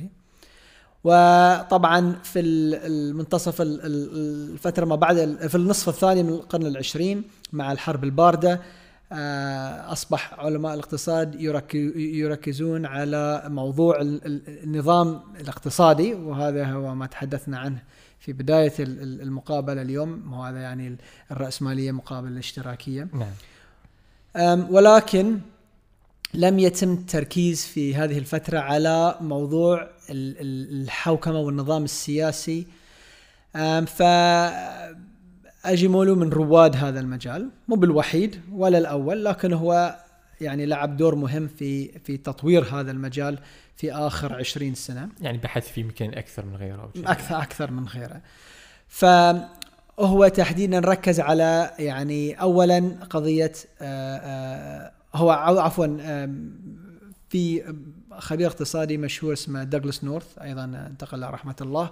هو فاز بجائزة نوبل أعتقد في عام 1991 وهو كتب كتاب مشهور أو عدد من كتب وفي كتابات نورث كان هو يحلل يعني أسباب ال- ال- التباين في ال- ال- الأداء الاقتصادي وهو ركز على آه، آه، نقطتين. اولا حقوق الملكية وثانيا سيادة القانون.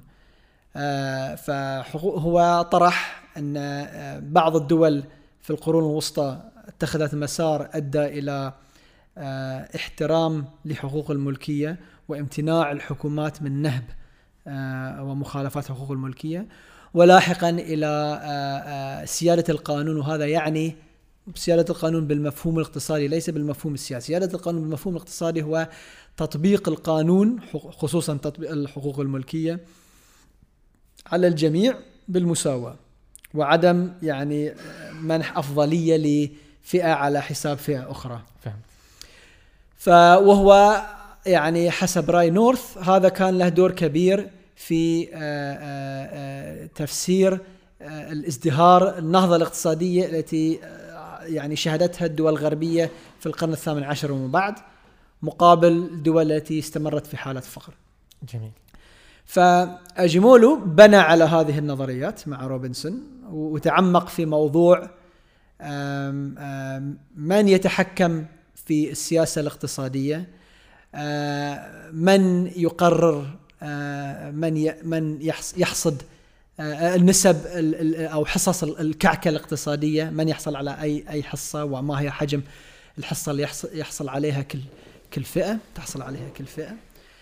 آه و آه وقدم نظريات جديدة إلى أو طور آه النظر يعني نظرات أو حدث نظريات مو جديدة 100% حدث النظريات يعني قدمها أكثر قدمها طورها اللي علشان نفهم شلون ليه لماذا أوروبا والولايات المتحدة وأستراليا وغيرها تطورت نسبيا بينما دول آه ك على سبيل المثال آه أفريقيا دول موجودة في أفريقيا وفي أمريكا الجنوبية واجهت صعوبات اقتصادية.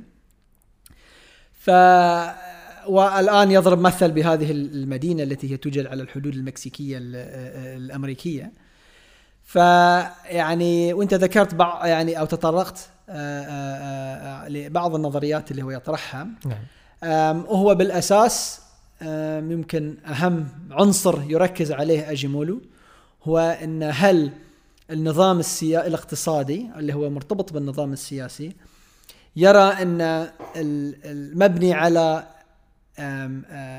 السماح للتفاعل الاقتصادي البناء أو هو مبني على القمع والظلم الاقتصادي.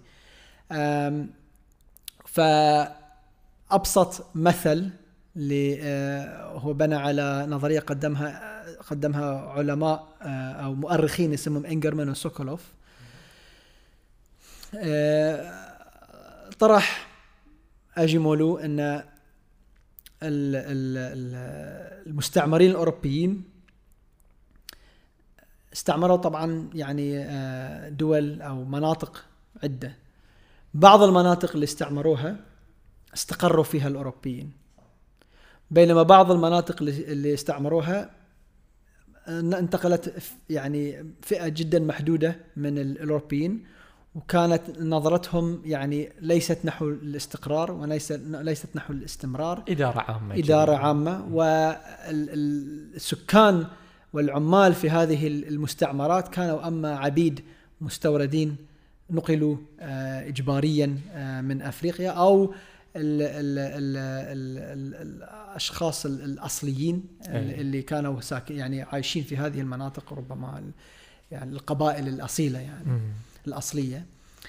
ففي المستعمرات التي استقر فيها الأوروبيين طبعا في عصر الاستعمار كانت الدول الأوروبية في حالة تقدم تطور اقتصادي عن الدول الغير الأوروبية. فالدول التي انتقل إليها الأوروبيون واستقر استقروا فيها نقلوا إليها الأنظمة السياسية والاقتصادية المتقدمة. نعم.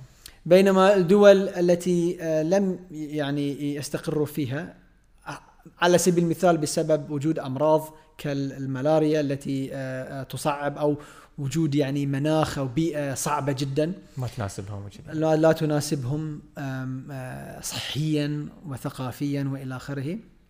ونقلوا لها العبيد. هذه تبنت آه، أنظمة آه، اقتصادية وسياسية قائمة على القمع والظلم والاستعباد وإلى آخره اللي هو يسميها extractive ال extractive استخراجية يعني أنظمة استخراج. استخراجية بس غير بناء بس تطلع ما ما تنتج أو ما تنتج ما تستثمر لا, لا, لا يوجد فيها استثمار م. بس فيها يعني آه، استخراج استخراج وبنظرة يعني بأفق ضيق نعم. وقصير نعم. المدى ف هذه الدول التي آه، لم لم تستقبل ال- المستعمرين الأوروبيين آه، لفترات مطولة خذت واللي هي على سبيل المثال دول في أمريكا الوسطى وامريكا الجن أمريكا الجنوبية اخذت يعني آه، وأفريقيا توجه سلبي بينما دول ككندا والولايات المتحدة وأستراليا ونيوزيلندا التي استقر فيها الأوروبيون اخذت يعني مسيرة إيجابية.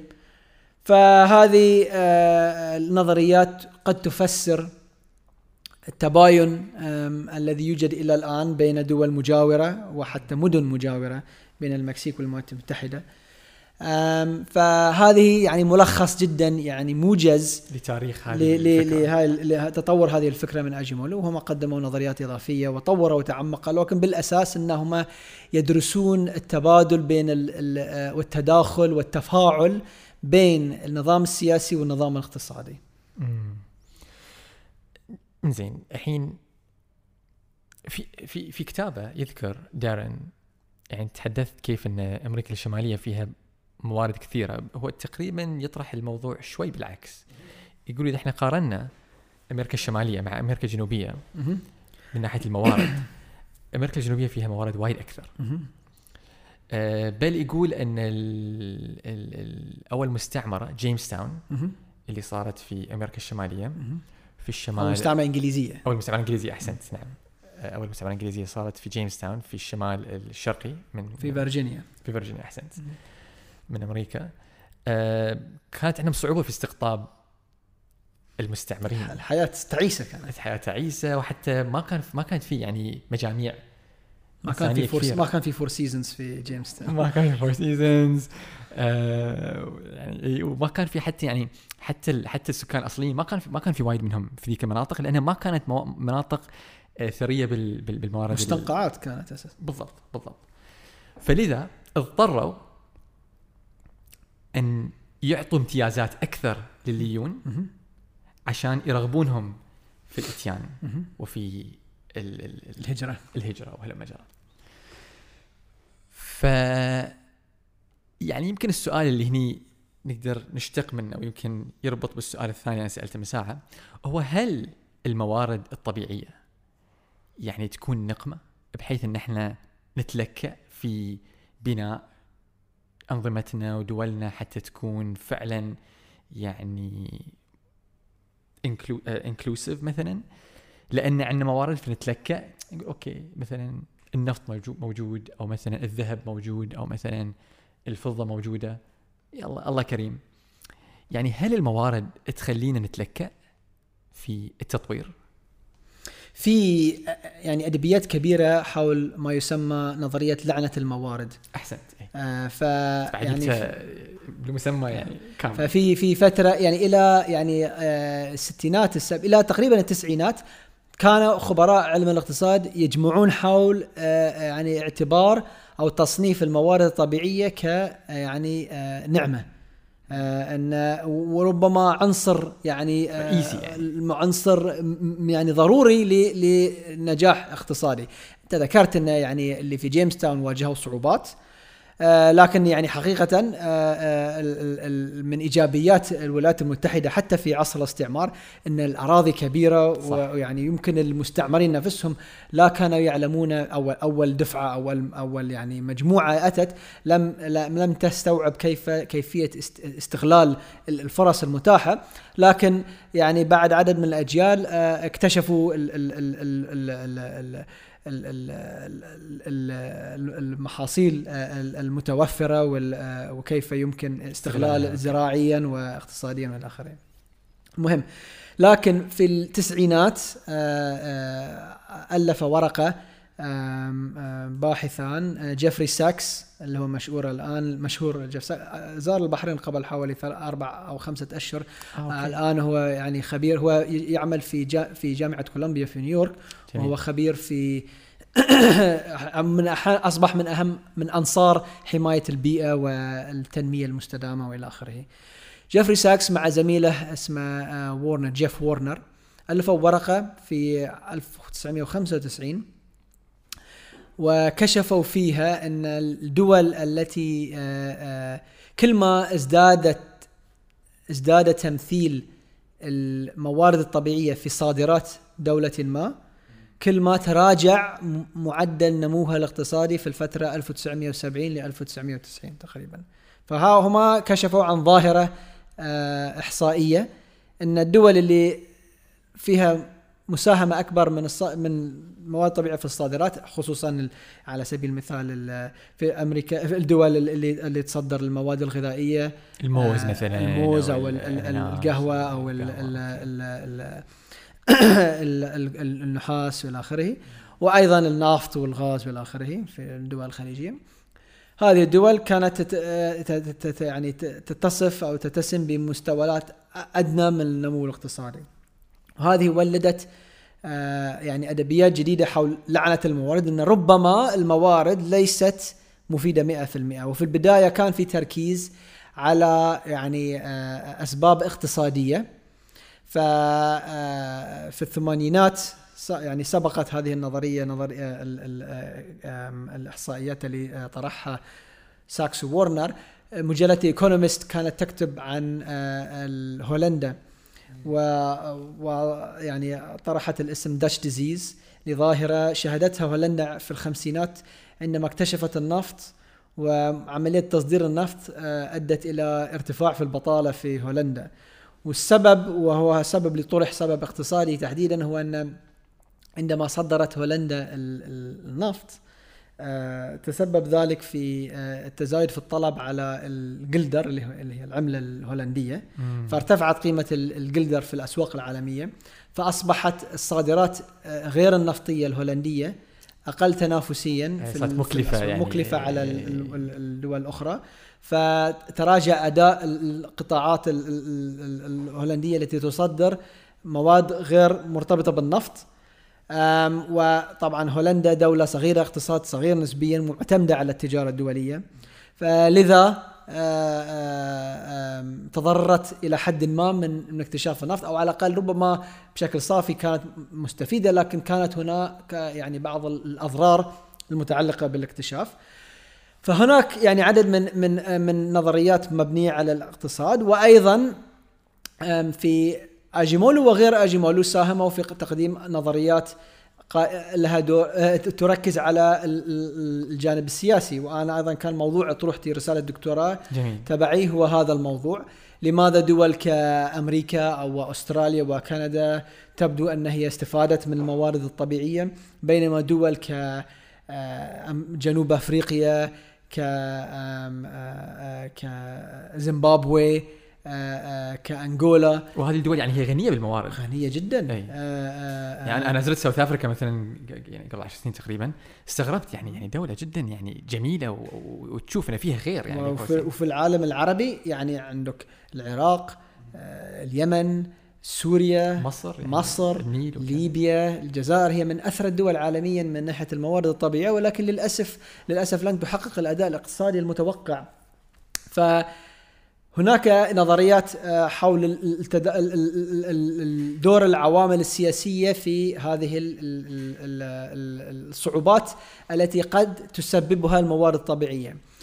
آه، يعني يعني إن وجود وفرة الموارد الطبيعية آه، قد تسبب أزمات سياسية تحد من النمو الاقتصادي وقد تؤثر سلبا على النمو الاقتصادي. في أكثر من نظرية. إحدى النظريات على سبيل المثال ابسط نظرية الصراعات السياسيه إن إذا في آه، آه، الموارد الطبيعية طفرة في الموارد الطبيعية قد تولد آه، صراع عنيف طمع حول. التحكم بهذه الموارد الطبيعية كما شهدت دوله مثلا كسيراليون أو أو أو أو, أو عفوا عن كونغو كونغو يعني ثرية جدا ولكن شهدت يعني حروب أهلية يعني صح. آه، صعبة جدا تشوف صور مليئة ال- بالعنف والقتل. في ال- في ال- في, ال- في التراكس أو في وكلها مبني يعني بتتمحور حول التحكم بالصادرات أو تصدير ال- الألماس وال- آه، وال- والمواد ال- ال- ال- الثمينة يعني وفي فيلم عليه بلاد دايموند أظن بلا دايما ما أعتقد هو عن كونغو تحديدا أعتقد سيراليون بلا دايما ممكن. عند عن ما أتذكر أي دولة بس نفس الفكرة يعني بس نفس الفكرة إيه. ان إن في موارد طبيعية وفي صراع حول هذه ال- ال- الموارد الطبيعية فهذه إحدى النظريات. نظريات أخرى في ال Dutch disease اللي ذكرتها اللي هو okay. المرض الهولندي. في نظرية ال- ال- اللي أنا النظريه اللي أنا قدمتها هي كانت إن يعتمد على ال ال آه، وقت اكتشاف ال- ال- الموارد الطبيعية. إذا النظام السياسي هو نظام ديمقراطي متطور عند في وقت الاكتشاف الموارد الطبيعية نتيجة إيجابية على سبيل المثال النرويج. بينما إذا آه، تكون دولة فيها آه، ديكتاتوريه الموارد الطبيعية تحفز ال ال ال ال الاصحاب ال ال ال الكتلة الحاكمة على تبني سياسات مضرة اقتصاديا لكي تتمسك بالحكم وهذا هو أحد أسباب ال- ال- الضرر الاقتصادي. فهمت. فها وتوجد يمكن حوالي 10 أو 15 نظرية مختلفة فأنت تبنيت هذه النظرية يعني هذه كانت نظريتي أنا هاي كانت مساهمتي أنا في رسالة الدكتوراه تبعي جميل. ولكن توجد أدبيات كبيرة حول هذا الموضوع ونقدر نقول يعني اجمالا ممكن كل النظريات في حيثيات معينة تكون صحيحة يعني ربما ربما يعني تنطبق في بعض الدول أي. هذه النظرية أفضل. آم، ولكن النتيجة إن يعني ال- ال- الواضح من الواضح إن يعني إن الموارد الطبيعية ليست آه، بشكل ضروري مفيدة آه، وربما آه، قد تكون مضرة. نعم نعم يعني عندها القابلية يعني. نعم. إنزين دك دكتور ذكرت النرويج. النرويج مثال غريب نوعا ما. دولة في شمال أوروبا. عندها نفط ولكن قبل كم سنة وقفت تستخرج نفط. من جزء جزء من سياساتها. و شلون فين انت يمكن أشرت الحين. شلون قدرت النرويج إنها تأسس حق عدم يعني يعني يعني خلاص اكتفينا إحنا من النفط؟ نخلي النفط خلاص ما نستخرجه. وقدرت إنها تتطور اقتصاديا بدون ما الأضرار ال- ال- السلبية اللي يعني عرفت عن لعنة المواد الطبيعية تأثر عليها. يعني تعمق شوي أكثر في المجال. الن- النرويج يعني آه، هي اولا جزء من الكتلة اللي هي تسمى اسكندنافيا صح وهذه الدول لها نقاط مشتركة. آه، اولا إن هي عندها شعوب آه، يعني عندها مستوى عالي جدا من التعليم. وأيضا دول تاريخيا عندها أنظمة سياسية متطورة ومتقدمة ومستقرة. ويعود هذا تاريخيا أيضا إلى آه، وجود مستوى عالي من التعليم حتى في آه، في الطبقات ال- ال- المتدنية جدا اقتصاديا. المتدنية آه، اقتصاديا كان التعليم منتشر في دول كالدنمارك والسويد والنرويج حتى في القرون الوسطى بشكل أكثر أعلى من المملكة المتحدة فرنسا ألمانيا وهذه. حقيقة يعني موجودة يعني. نعم نعم فهم ثقافة التعليم موجودة منذ زمن طويل وأيضا عندهم آه، تجانس آه، عرقي آه، عالي. فهذا ساهم في حماية النرويج والدول الإسكندنافية الأخرى من صراعات داخلية على أسس عرقية أو مذهبية. وهناك تجانس ديني أيضا. فهذه ظروف آم، مكنت هذه الدول من يعني منحتها يعني أسس يعني آه، إيجابية. وبالإضافة إلى ذلك في فترة ال- ال- الحرب ال- الباردة آه، بين أمريكا والاتحاد السوفيتي آه، الدول الغربية استثمرت في هذه الدول أيضا لأجل كما هي استثمرت في جميع الدول اللي هي كانت على الحدود بين الدول أوروبا الشرقية والاتحاد السوفيتي أو الكتلة السوفيتية وذلك لأجل لأجل خلق ضغط على ال- الشعوب ال- ال- أو الحكومات آه، آه، في الدول الاشتراكية لأن رغبة الدول ال- الغربية إن هي تستعرض مزايا الحياة والحريات في الدول الغربية عند حدود الدول الاشتراكية. يعني. دعمتهم فاهمت أنا يعني لا أرغب في أود أبتعاد عن طرح كأن لو نجاح النرويج مبني فقط على دعم. أوكي. لكن بالمقابل لابد أن نجاح دول ككوريا الجنوبية واليابان واسكندنافيا تايوان حتى. وتايوان يعود جزئيا إلى الأفضلية آه، يعني استغلالهم الصحيح والذكي آه، آه، للصراع ال- ال- السوفيتي الأمريكي.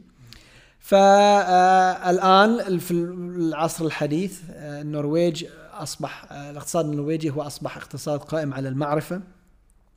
وصادراتهم تجاوزت يعني الموارد الطبيعية بل هي قائمة على يعني الإنتاج الفكري المميز ويعني على الرغم يعني محدودية عدد سكان النرويج عندهم مستوى يعني جامعات ممتازة وإنتاج فكري يعني محترم على مستوى عالمي وعندهم ابتكارات ممتازة كما هو موجود في جميع دول اسكندنافيا.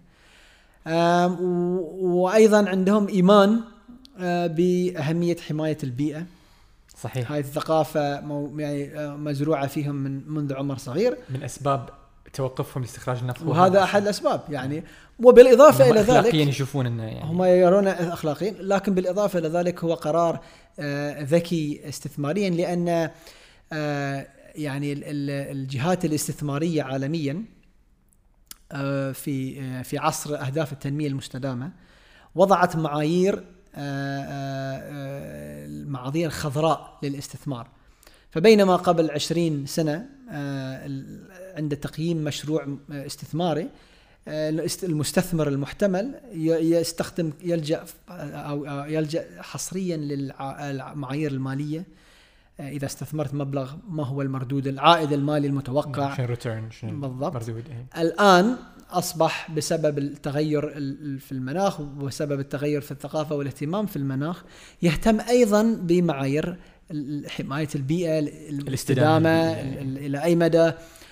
ف وهذا التوجه يعني بدأ المستثمرون آن يمشون فيه.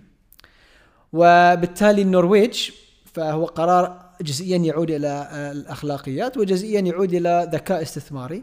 أدركوا واستشعروا هذا التوجه الجديد بشكل مبكر واستنتجوا أن من الأفضل بدء الانتقال إلى هذه الصناعات والصادرات غير المعتمدة على الكربون بشكل مبكر لكي تكون دولة رائدة في ذلك المجال وبالتالي تحصد اهتمام المستثمرين بشكل أفضل وأكبر عندما ترتفع وتيرة الانتقال.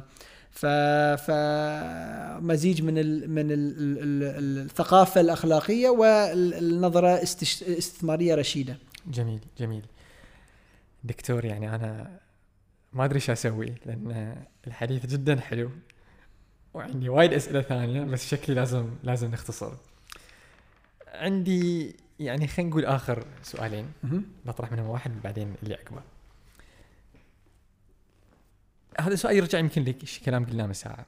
أنا شفت على موقعك الإلكتروني اللي حق المستمعين والمشاهدين هو عمر دوت كوم حاط صور لبعض اللوحات العربية أو الإسلامية القديمة.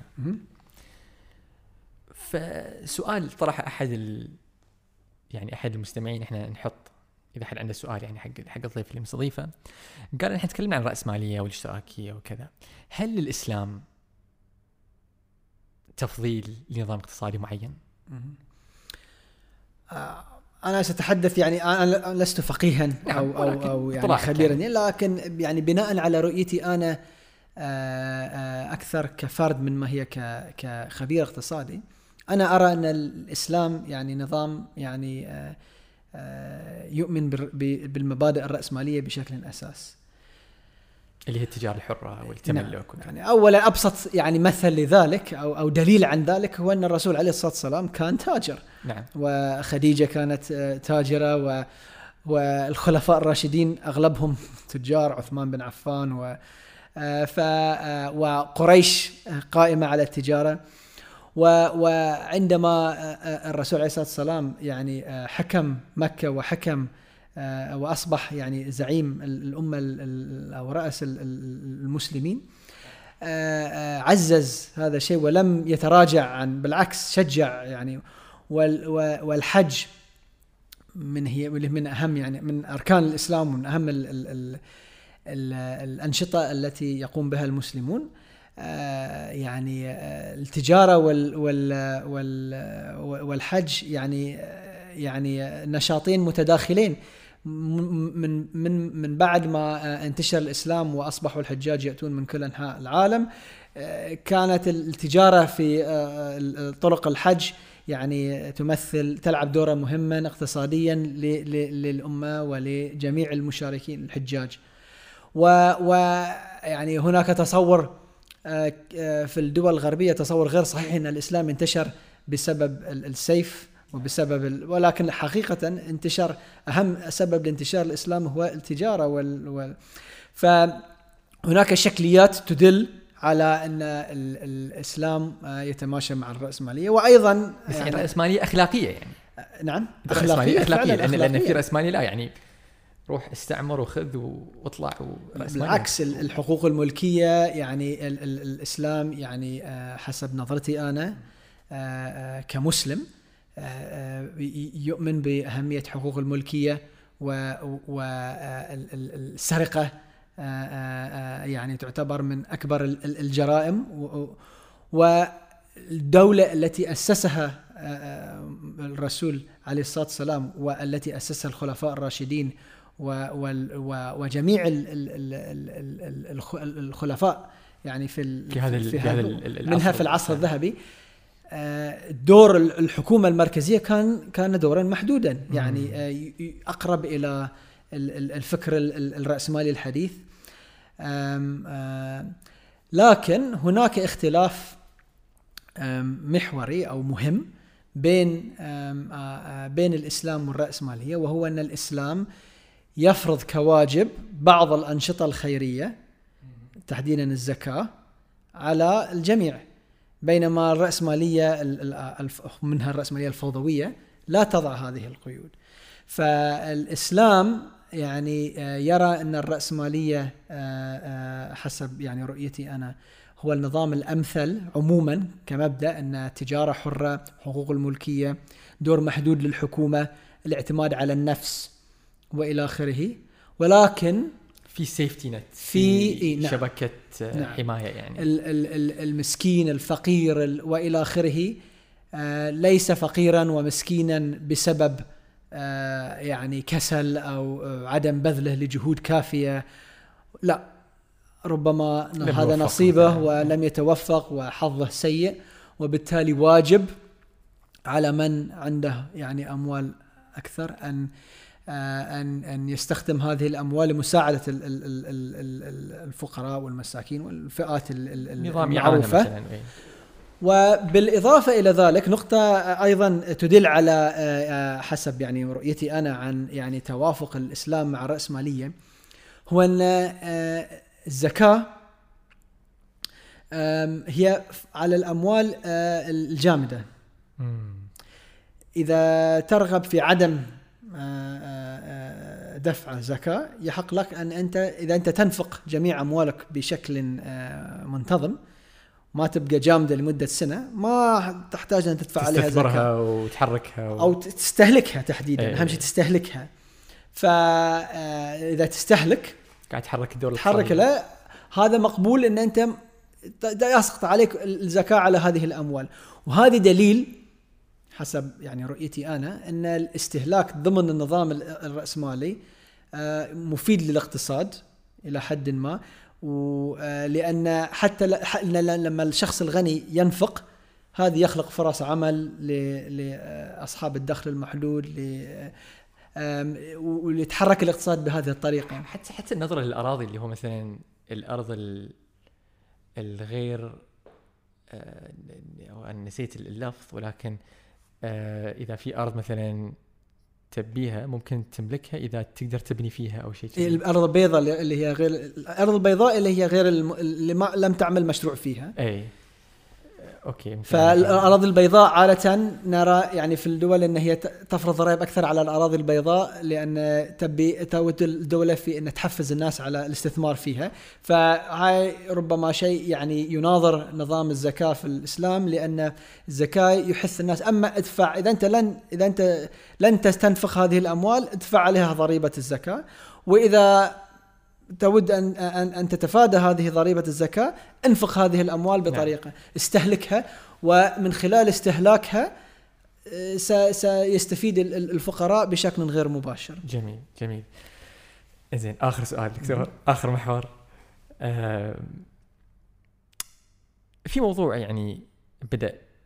آه، عفوا بس إضافة س... إيه،. سريعة اللي هي أيضا في اختلاف واحد بين الراسمالي والاسلامي اللي هو الزكاة مم. اللي هو واجب والاختلاف الثاني إن في بعض الأنشطة ال- ال- ال- اللي هي مباحة في النظام الراسمالي اللي هي حرام عند المسلمين مثلا الصيرفة الربوية أو ال ال ال ال بعض المخدرات وال- والكيماويات والأسلحة وبعض الأنشطة يعني ال- التي في النظام الفكر الراسمالي نعم. إذا أنت تقدر تربح منها وتتفق أنت كمنتج مع بائع توكل. عليك بالعافية. عليك بالعافية. هذه لا في حلول بعضها. لكن قول ل 95% من من الأنشطة الاقتصادية اليومية. بالعكس أرى آه، آه، توافق. آه، نقطة إضافية أو مثلا استعراضا لهذا ال ال اليساريين عادة في الدول الغربية يؤمنون بالمينيمم ويج الحد الأدنى للأجور.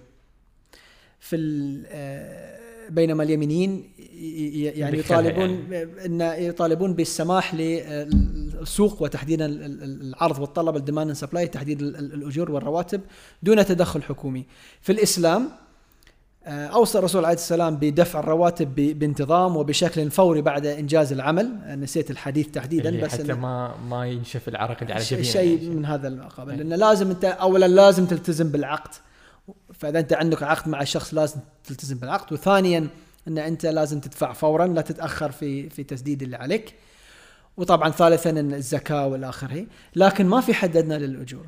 آه، آه، آه، ما في في الإسلام ما في قيود في في قيود على التلاعب في الأوزان ولا في ال- ال- ال- الكذب وال- والتحيل وال- والغش. والغش وهذه الأشياء. لكن ما في قيود على الأسعار نفسها والأسعار تحدد في في الأسواق بناء على العرض والطلب يعني مم. بس يعني هو ما يمنع يعني يعني أوكي هو يمكن في زمن في الأزمنة الإسلامية الأولى مثلا وأنا ما اعرف عن بعد يمكن ما كان في سبب إنهم يخلون الحد حد أدنى للأجور ولكن هو هل في شيء يمنع من هذا الشيء؟ قد قد ما في شيء يمنع إن نخلي حد أدنى للأجور يعني كجزء من الإسلام ربما يعني يمكن ال- المباح لكن إيه. قصدك انه في الأساس ما كان في في الأساس ما في ولكن الإسلام نفسه على الرغم إنه هو يحث المسلمين يعني كم كرم كم مرة في القرآن مذكور كلمة الزكاة صح. و و صح. ويعني الكرم والعطاء يعني والعطاء وهي يعني كلها مذكور أساسيات يعني صح ومذكور أحيانا بشكل منهجي ومحدد. مثل الزكاة يعني إن. هاي طريقة معينة لكن سواء عن طريق سنة الرسول عليه الصلاة والسلام أو عن القرآن ما في مينيمم ويج وهذا دليل إن ربما في بدائل أفضل. وأنا أتوقع أن في في العصر الحديث ما اذا إذا الهدف هو مساعدة آه، من عنده أجور متدنية ما بتكون في هذه الحاجة إذا الكل دفع الزكاة فهمت قصدك. حسب ال ال يعني يعني يعني نظام الكفالة الاجتماعية ليست عن طريق أنظمة و policies و regulations إنما نظام الكفاله الاجتماعية عن طريق الزكاة ال- يعني خلينا نسميه ال- العطاء الكرم اللي ممنهج عن طريق الزكاة أو بشكل بشكل اولي نقول هذا. الشيء في نظر نظرة اولي يم طبعا هذا لا يعني ان ما في دور حق الإضافات بالعكس يعني هذه يعني. بالعكس الإسلام يحث الناس على أنهم يتطورون ويتعلمون ويشوفون شنو التجارب الناجحة في الدول الأخرى. وربما فرنسا ولا ألمانيا عندها تجربة لنظام آه، خيري جديد. ويمكن إن إحنا أي مسلم أو أي دولة مسلمة تتبنى هذا الشيء وتقيمه وتتبناه. لكن هذه تكون خطوة يعني مبنية على أسس علمية نعم.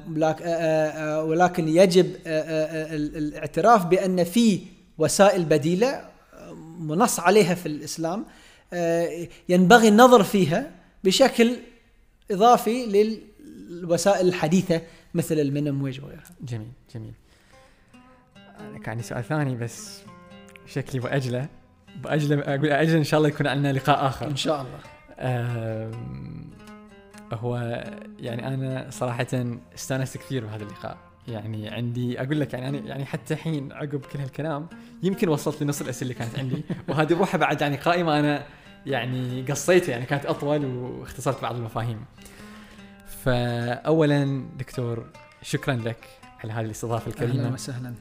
و يعني استمتعت كثيرا في الحوار. إحنا إحنا كذلك. تعمقنا في مجالات متعددة تل- يعني دشينا في ال- الاقتصاد اقتصاد السلوك الاقتصاد السياسي التطور الموارد يعني يمكن نظرة الإسلام في بعض الأمور.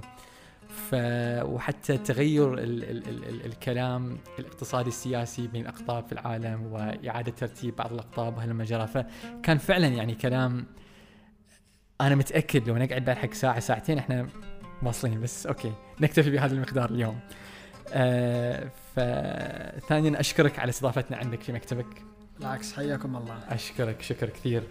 آه أعزائي المستمعين والمشاهدين أرجو منكم أن تتابعوا الدكتور عمر على التويتر عمر اكونومكس وموقعه الإلكتروني حيث تجدون آه أوراق ومقالات وكتابات للدكتور عمر economics.com وأيضا تابعوا بودكاست منور على الإنستغرام واليوتيوب وال Apple Podcast أو أي المنصات التي تتابعون عبرها بودكاستاتكم المفضلة.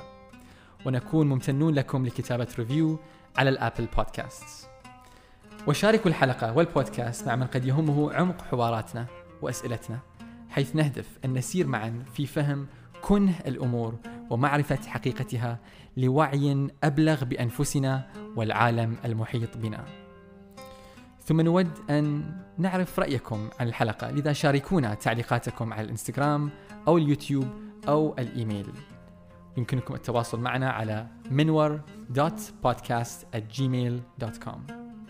واقترحوا لنا ضيوف تودون منا استقبالهم مستقبلا والغور معهم في حديث معمق أو تقترحون علينا طرق تطوير البرنامج والمحتوى. تحيات فريق العمل للدكتور ولكل المتابعين والمستمعين والمشاهدين من جلال الجزيري حسن سلمان باقر الدرازي وأخوكم علي لاري شكرا